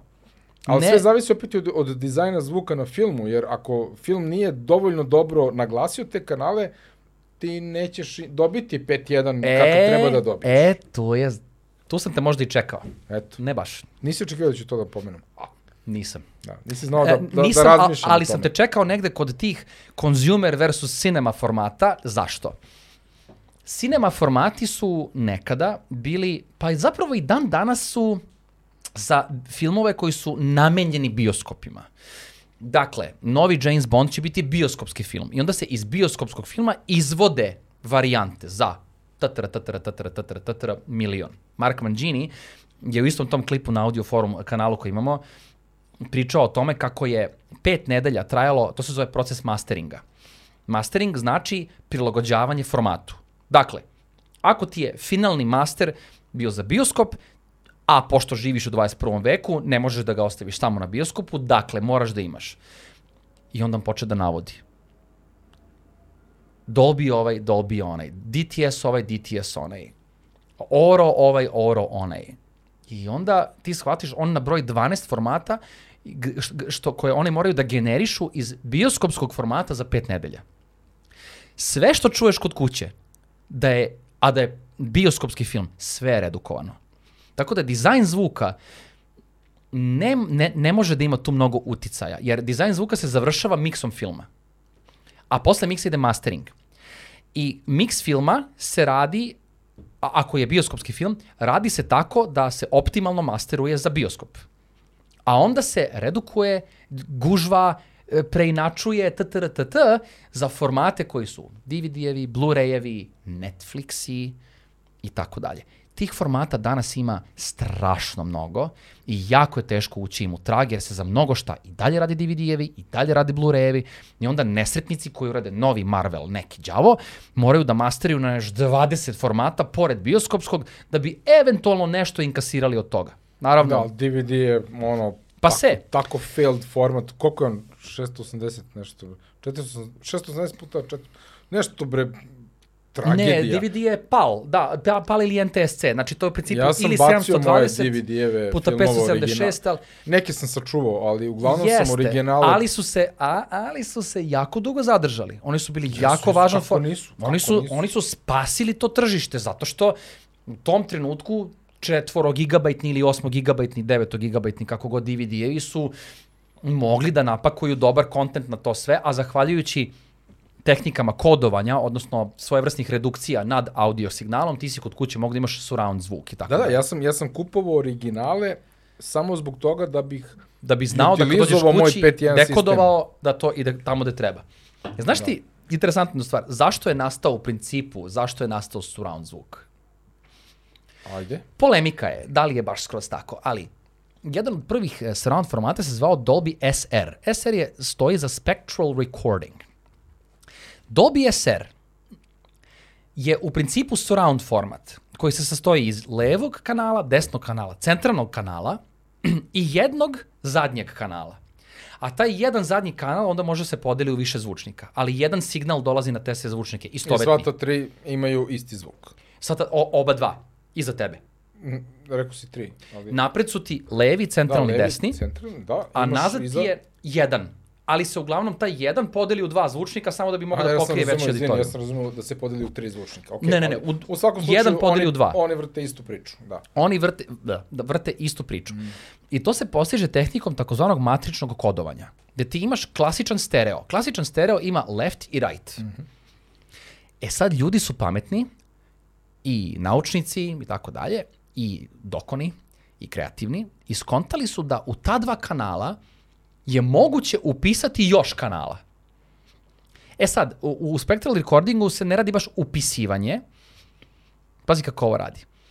Znači, iz lefta i righta uzimaju se zvukovi koji su istih nivoa i istih faza. Ovo će razumeti dizajneri zvuka koji ovo gledaju. Malo ću da dump down, downujem celu stvar. Ono što je u preseku left i righta, šalje se u centar. Ok? To je dijalog. Dijalog je uvek u To centru. su srednji tonovi. A ne, ne, ne. Frek, nema to frekvencijske. Gledaš samo veze. sadržaj. A, okej. Znači, sadržaj, kako god da je, koji je i u leftu i u rightu, ide u centar. To je prevashodno dijalog. Redko ćeš čuti da dvoje kad razgovaraju, kada su u nekom dvoplanu, da je jedan na jednom zvučniku, da ti vuče na levo, drugi na drugom. Da, Uglavnom je sve u centru. A stvari koje nisu u preseku ova dva, se šalju nazad. I taj okružujući zvuk, prvi oblici tog okružujućeg, ja mislim da čak nije ni zvano surround tada. Jer to nije služilo da ti napravi neki sad doživljaj. To je služilo da pokrije što veći auditorijum. Zašto? Jer dok si imao samo levi i desni zvučnik, ti sad sediš ispred platna koji je ono, u širini 30 metara u velikim salama i iza tog platna se nalaze zvučnici. Znači, iza platna. Platno je sitno perforirano da te talasne dužine mogu lepo da prolaze kroz platno. Tako funkcioniše svaki bioskop. Ti zvučnici su iza i ti zvučnici moraju biti razmaknuti nekako. I sad ti, kad sediš u auditorijumu, ako sediš u prvom redu, na skroz desnoj strani, tebi je dominantan desni zvučnik. Tako da ono što se dešava potencijalno u onom drugom, ti nećeš čuti ili ćeš čuti problematično. Isto važi ako si na drugoj krajnosti. Zato su uveli centralni kanal. Centralni kanal kompenzuje za sve ono što se izgubi ako sediš na ekstremima u sali. Tako da, začeci surrounda potiču iz potrebe uh, velikih produkcija da doskoče velikom volumenu potrošnje tih filmova.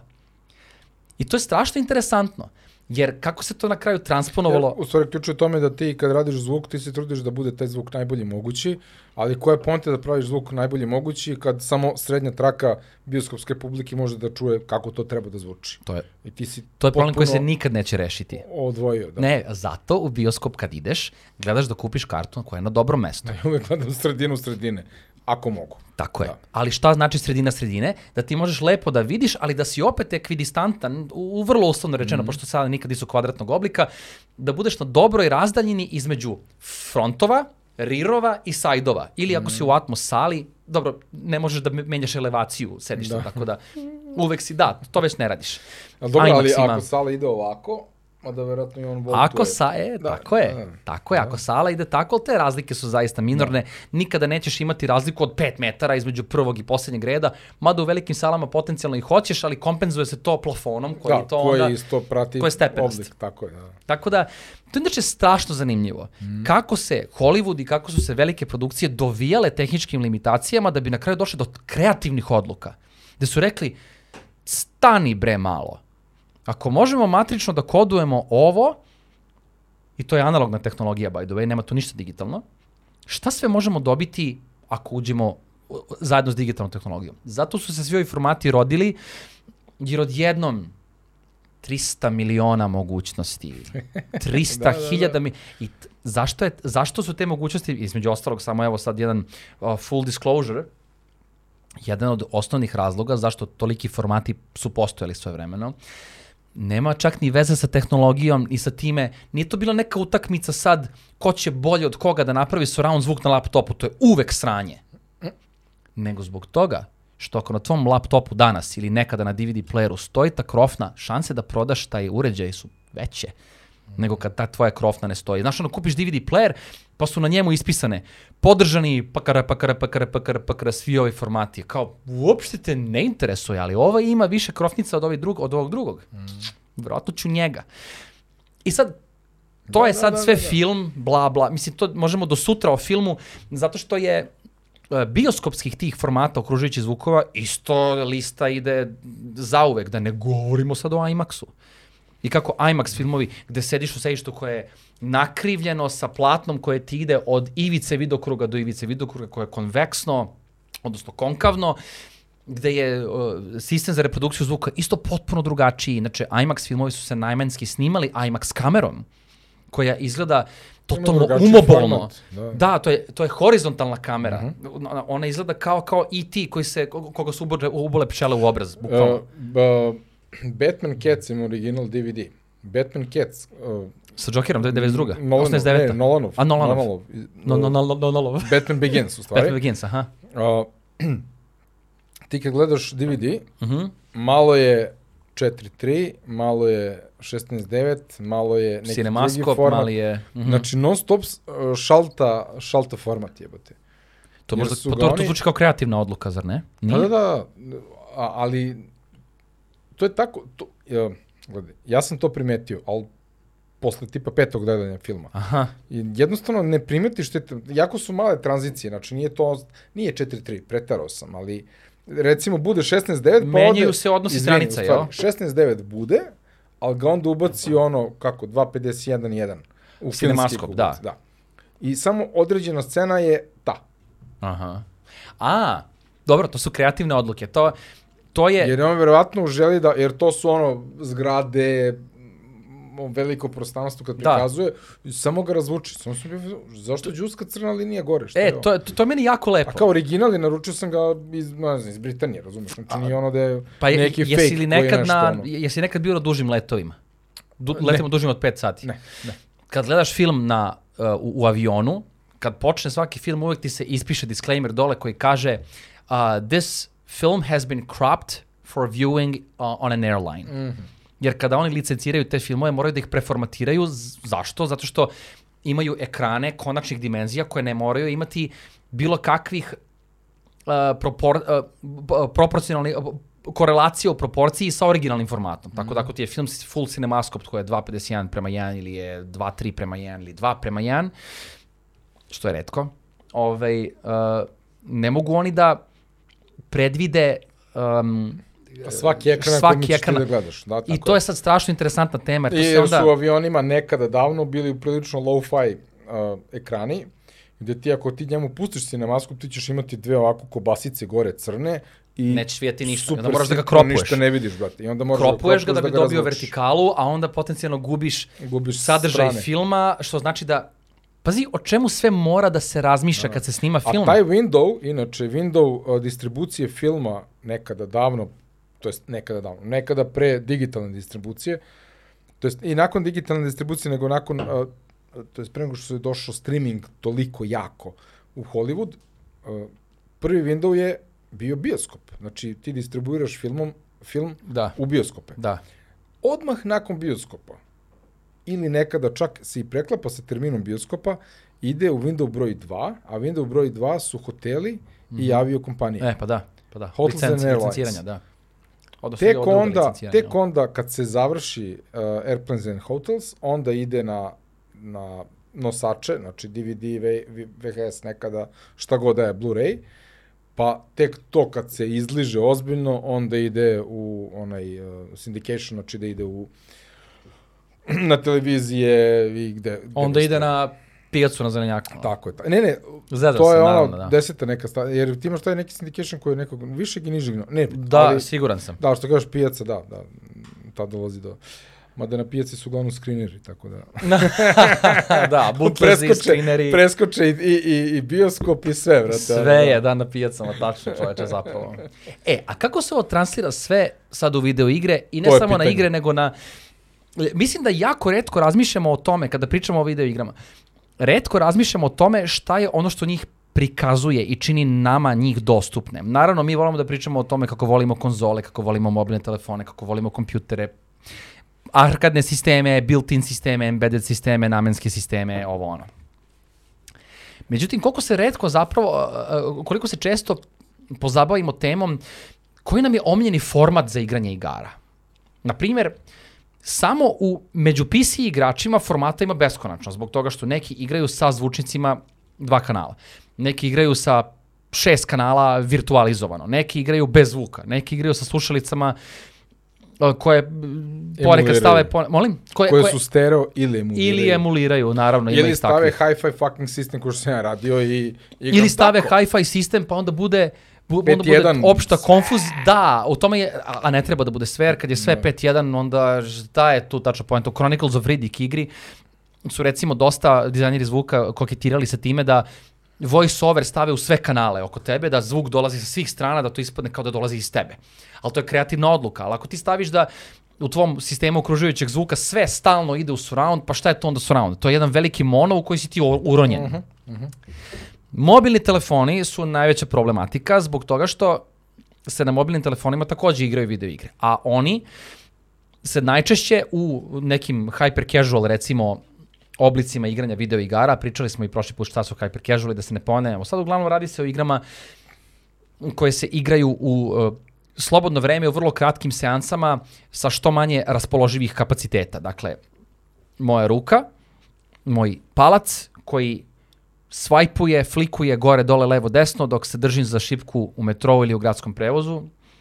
Inače, mi ovde u Srbiji ni nemamo pojma koliko se u svetu mobilni telefoni koriste za video igre. Za video igre. Kad sam bio u Tokiju, svi, op, horizontalni orientation i igraju neke mid-core igre. To je strašno zanimljivo videti koje publike vole, koje žanrove. Mhm, Ali recimo ako govorimo o njujorškom metrou, Candy Crush samo se svajpa, samo se šljemaju se, tri, bombonice, gumenjaci i ostalo, u portret, u portret modu.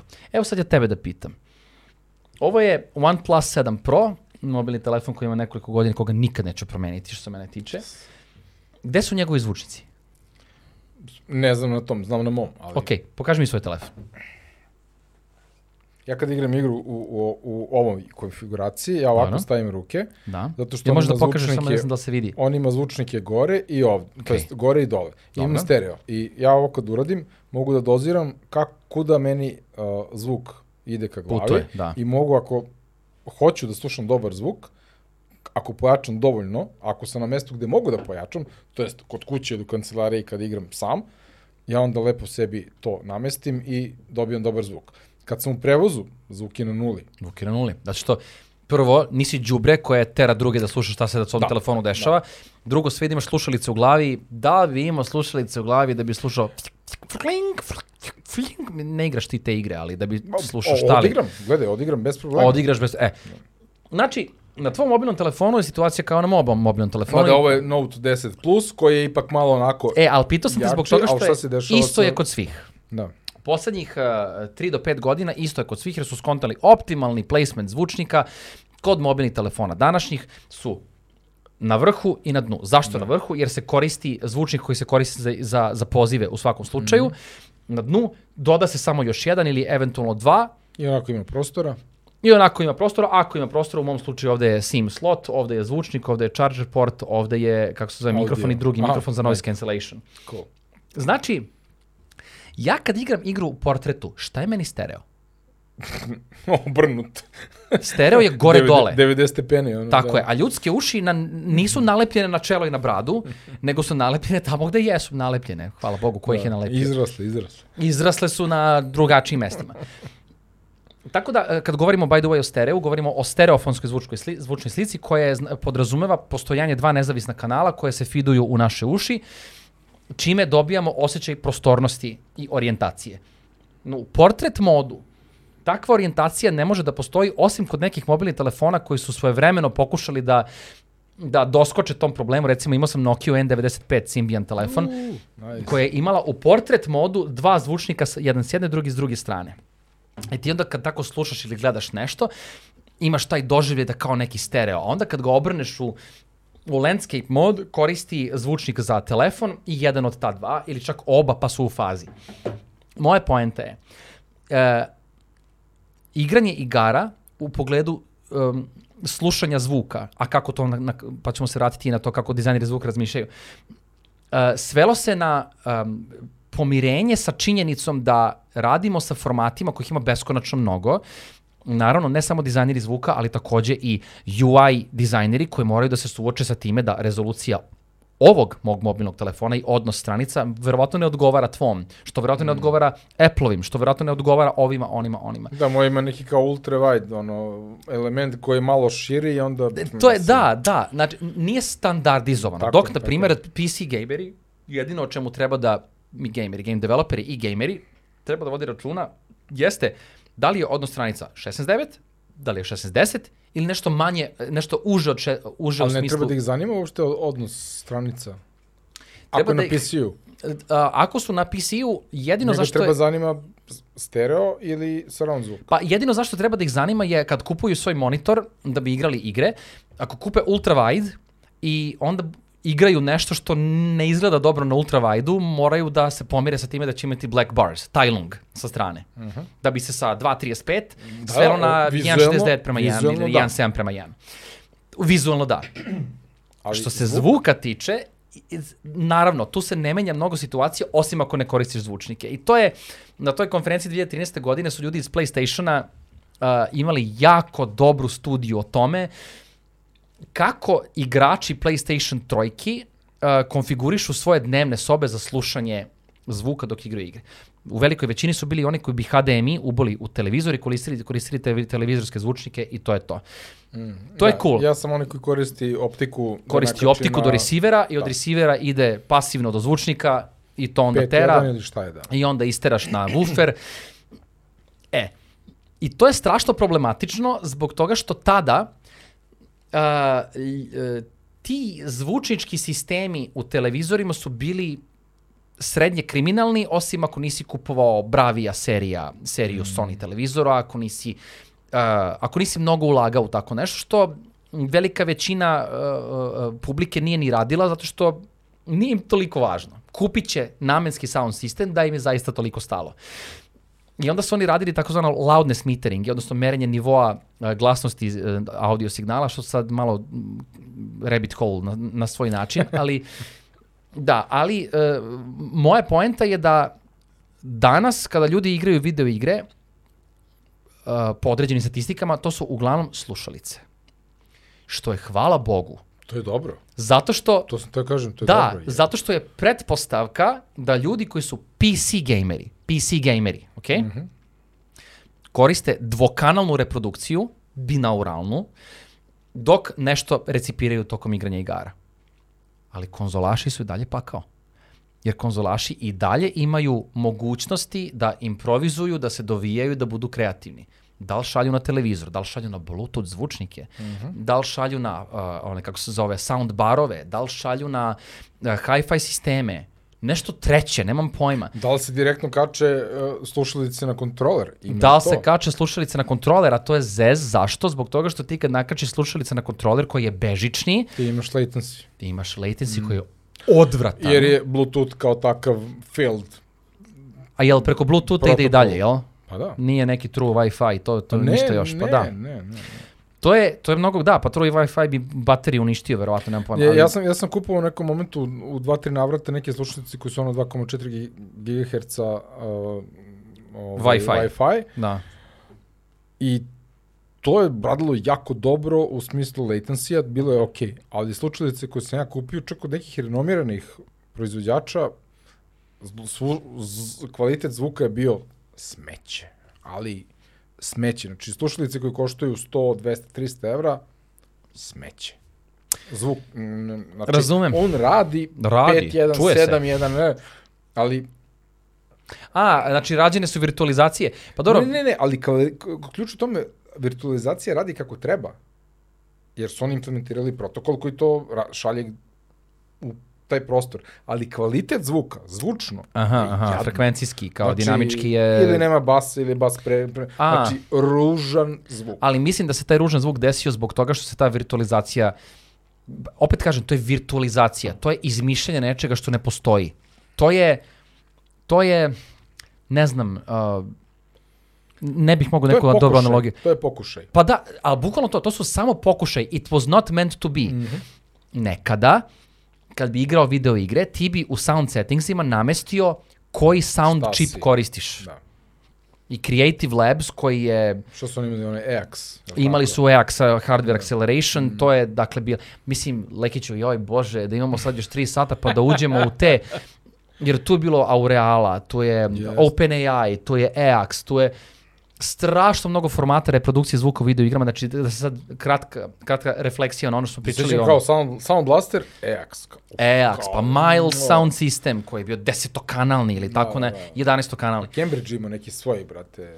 Cambridge Soundworks. oni su imali neki svoj Ja nemam pojma šta je to. nešto. Ma to ti kažem, ja mislim da su sve to bili komercijalni pokušaj da se doskoči kreativu. Kreativ je praktično uništio Da. tržište bio u jednom momentu, zato što ovaj, um, Odyssey, kad su izbacili, na primjer, to je bilo ono kao, uf, Odyssey. o, imaš Odyssey, imaš Exigi, znaš, znaš, onda to sam su ja krenuo bile... da kupujem Aha. kao samo Sound Blaster, kao Odyssey, moram da imam diskretnu kartu, znači ne, ne koristim integrisani zvuk na ploči, nema šanse. I onda dođem do tačke da e, imam problem sa uzemljenjem na struji u, Ima, ima mnogo preslušavanja, razumem. I, brate, kreće da Aktivnosti mi... na matičnoj, da. kreće da mi, da mi zvekeće Sound Blaster Ono što ti rade hard disk. Koji treba da radi. Da. I Znam. onda sam na kraju došao od toga da integrisani zvuk na matičnim pločama danas je vrlo dobar. I, to, to se hvala Bogu i desilo, jer je Creative u jednom trenutku zamalo sahranio potpuno Ja, industriju. ja, ja, ja, Zapravo sam, ja Creative sam je krenuo da- sahranio industriju. Ja sam kupovao Creative Sound Blaster, Sound Blaster, Odyssey, nikad nisam Live. stigao do Exigija, Mhm. zbog toga što kad se Exigi pojavio, tad je zvuk na matičnim pločama postao da bude dovoljno dobar i nisi imao interferenciju koja se dešavala sa eksternom, da Aha, kažem, ne eksternom, se- nego jest. PCI uh, audio karta. Jeste, zašto Možda on vezivan... neki problem, ali to mi se desilo na nekoliko konfiguracija. Razumem na što misliš. On je vezivan preko Firewire-a. ne, o. O, ovo što sam ja, ko- da, Exigi da, ali Exigi nikad nisam Nisi kupio, jer imao ti svoj, da. Jednostavno je zvuk na matičnim pločama bio dovoljno dobar. Naravno, i to i dan danas jeste slučaj. Ljudi koji igraju igre ne ulažu u hardware koji, koji procesira zvuk jer ga praktično i nema. Creative ga je potrebe. sahranio. Jer je meni, i meni matična ploča ima uh, ovaj Sedam uh, jedan. SBD, SPDIF, pa da, Sony Philips ali Digital Interface. jeste, ali SPDIF nosi samo dva kanala, tako da Dobro, ali Good izađeš, enough. izađeš prema nekom dobrom sistemu i doviđenja. Tako Upravo da, to. digitalna je veza. St- Strašno je ovo interesantna tema. Ovo je, ovo je baš ono... Izvini samo, ako taj sistem ima dobru, emu, e, dobru emulaciju, ako ti imaš pojačalo, lo- ja nemam, ali ako imaš pojačalo 1000-2000 evra, koje je jako dobro ima implementiran sistem emulacije i dekodiranja, ti iz dva kanala možeš da napraviš Slažem se. virtual, virtualizaciju koja je pretty okej. Jeste, ali znaš šta, više se to ne radi. Pa, Znači, sigurno. sve, sve ovo, Ovo je pa se... o, o, ova priča o formatima u video igrama je beskonačno interesantna. Tu ima jako mnogo nostalgije, tu jako ima mnogo tehnoloških inovacija i, i zanimljivosti, ali onog momenta, u stvari, Leko, zašto je to sve rađeno? Zato što, na čemu su video igre dolazile pre 20 godina? Na diskovima. Mhm. Jedan disk 450 megabajta. O, 750 720, megabajta. 720, 700 megabajta, da. Da. 700 megabajta da smestiš sve, ili ako ti igra na više diskova. Šta će prvo da istrpi? Pa kzvu te, bra. Zato što Kzvu ne prodaje igru, prodaje Fikagra igru, brate. Tako je, tako. Prodaje Fikagra, prodaje gameplay koji je stvar koda, koji je lagan, ali Fikagra, cinematici, Mora da izgleda, mora da modeli. pršti. Mora da pršti. Tako da u tom smislu, zvuk je tu, buraz ako baš morate, evo vam, ali dobro, ne mora. Prema tome, virtualizacije, formati i sve te stvari su postojale da bi doskočile činjenici da zvuk nije imao dovoljno skladišnog prostora na medijima na, na medijima na kome su se igre distribuirale. Jednog momenta kad je to prestao da bude problem, sve te virtualizacije su umrle jer nemaju više zašto da postoje. Igre se preko digital service providera distribuiraju danas preko Steama, preko Goga, preko Epica. Update je 60 giga. Update je 60 giga. Tebra, 88,2 Cyberpunk- Ja nemam, kHz. nemam prostora na, na jednom od hard diskova gde mi je instaliran Cyberpunk, nemam prostora da ga updateujem, jer mi treba 60 Jer ti trebaš da- A ja imam to 54. ti kažem. Nema, u, u vreme Blu-raya je stvar već postala potpuno, da, Tebra, stavite vi tu CD quality zvukove u koliko god Ja hoćete, se sećam, Baldur's Gate, 5 uncompressed. diskova, brate. Pet diskova. Da, Pa je- 99. Sam samo Monkey Island je bio najmanje dva, ovaj, The Curse of Pa Monkey kao, Island. Pa kao. Ali zbog cinematika, mislim, najviše zbog videa, jer oni su, sa videom rešavali cinematike. Ali mislim, moja suština je samo, brate mili, u tome, onog momenta kad su skladišni uređaji postali dovoljno jeftini, kada je internet dovoljno ubrzao, kada su se ljudi, kada su ljudi ad- adoptovali taj novi, tu novu tekovinu, došlo je do toga da zvuk više stvarno ne mora toliko da štedi. Štedi kada govorimo o profiliranju performansi, da mnogo ne zauzima procesorske moći, ali memorije, skladišnog prostora, još je i okej. Kad imaš komp 64 GB rama, stvarno, brate, nije neki problem, iako je to Nema optimizovano. frke, druže. Da, manje je frka nego što je bila nekada. Tako tako. Tako da danas formati ne postoje. Danas se zvukovi rade pomoću tak tih, um, pomoću native uh, audio sistema u engine-ima, Unity Audio Native System, uh, Unreal Audio Native System, neki X Audio Native Audio System, ili preko middlevera, odnosno namenskih softvera koji realizuju zvučni sadržaj uh, preko namenskih biblioteka i namenskih softvera i tako dalje. Tako da danas danas e, je jedino što je bitno je tvoja zvučnička konfiguracija. Nije bitno više virtualizacije, čipovi, formati, samo tvoja zvučnička konfiguracija. Šta imaš kod kuće? Nebitno je, jer je ova igra masterovana. Mastering za ovu igru je urađen na slušalicama. Jer vrlo je verovatno da ćeš i ti isto da igraš na slušalicama. Ako igraš na nekom sistemu koji nisu slušalice, opet će biti sve okej. Nećeš ništa mnogo da izgubiš. Znaš, i pritom, e, tržište igara u audio smislu, tržište M igara u audio smislu upravlja tržište nekretnina. Ti imaš sad male stanove, pa gruvaj ti sa hi-fi sistema u malim stanovima da ono, Ja ovo, brate, slušam moje na 10%, daj Bože, 15 ikad. to ti kažem, jer snage Jer koje ovaj tvoj monoblok može da... je deljeni. soba komšija. Dnevna soba tvojih komšija. Da. Znači, slušalice su ono sweet spot. U smislu, vrlo su mi lične, mogu uvek da kupim nove, udobne su mi na glavi, volim ih kako izgledaju, sve radim preko njih, imaju headset komplet, dakle sa mikrofonom, mogu da razgovaram sa drugarima dok nešto igram ili gledam ili slušam kako god. Slušalice su u tom smislu najoptimalniji uređaj za reprodukciju zvuka danas, a zatim i neki tvoji. Ja recimo igram na zvučnicima zbog toga što živim u takvom stanu da kakvu god, god buku tu da napraviš, niko je ne izvaljuje. Zato što je ta, na, ta, je tako je lociran i tako da. je konfigurisan. Da.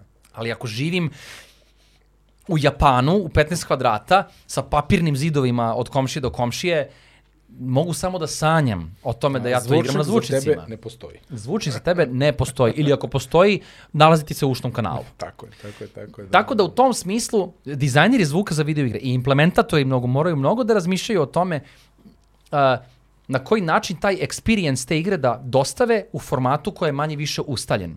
Dakle, sve će se raditi vjerojatno za slušalice, možda se nešto premasteruje za neke druge sisteme, pa ti onda u sound settingsima imaš tamo da izabereš, ali to ne pravi neke velike razlike šta god ti uradio na kraju balade.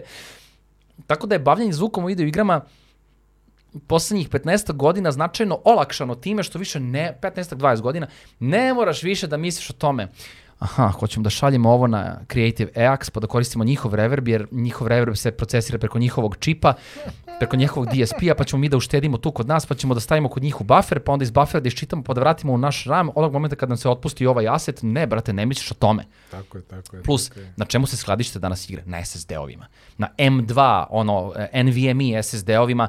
Neću da kažem u većini, ja ne znam te statistike, ali tebra, ako ja to imam, verovatno imaju i ljudi koji su poput mene. Ne, znači, M2 M- NVMe, uh, koliko je ubrzanje bilo prelazak sa hard diska na SSD, toliko je ubrzanje prelazak sa SSD-a na NVMe. E, pa, a, čak, ako nije brže, zar ne?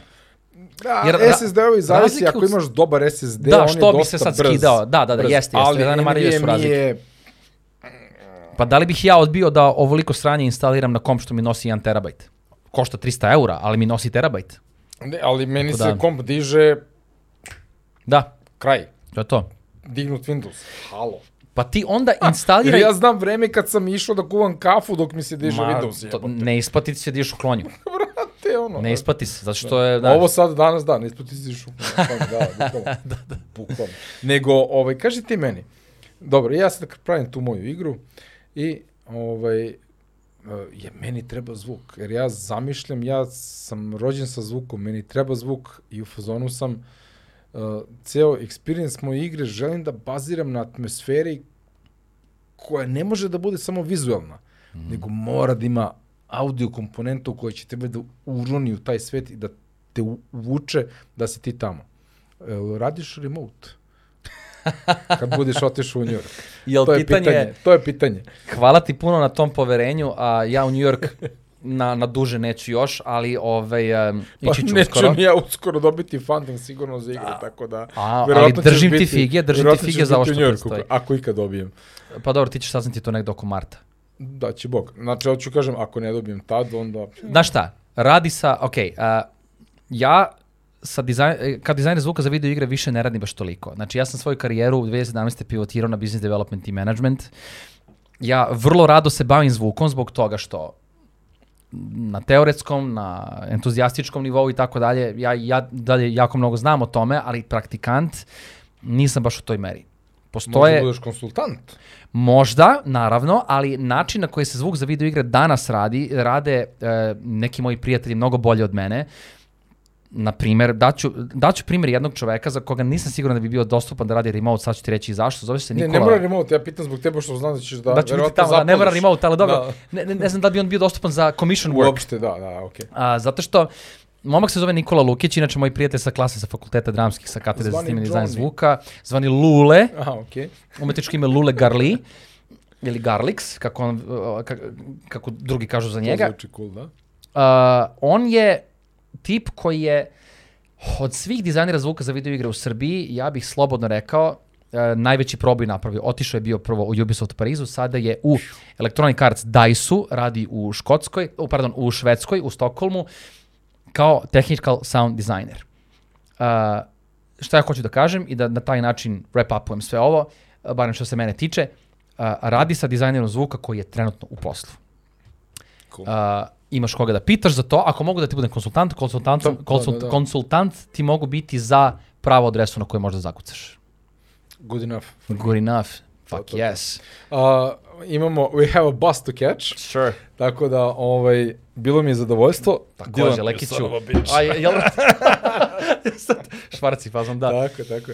Uh, Zadovoljstvo je pre svega moje, Uvek, puno ti hvala na uvek. tome. Vidimo da. se na audio forumu, doći ću u, sigurno u nekom momentu. Odlično. Uh, veliki poziv za sve slušalce, naravno, audio forum 6. do 8. decembra ove godine, Parobrod i FDU trećih dana. Tako je. Uh, ništa, Zapratite nas na društvenim mrežama, to nam je najvažnije. Audio forum, Instagram, YouTube, Facebook. Uh, Sve prijavite se na newsletter da biste saznali prvi To. određene stvari, tako da Lekiću, hvala ti puno još jednom. nema vidimo se uskoro. Ja. Bilo je zadovoljstvo. Kao i. Meni još više. Puno hvala. Hvala i svima, vidimo se sledeći put. Pozdrav. Ćao. Ćao.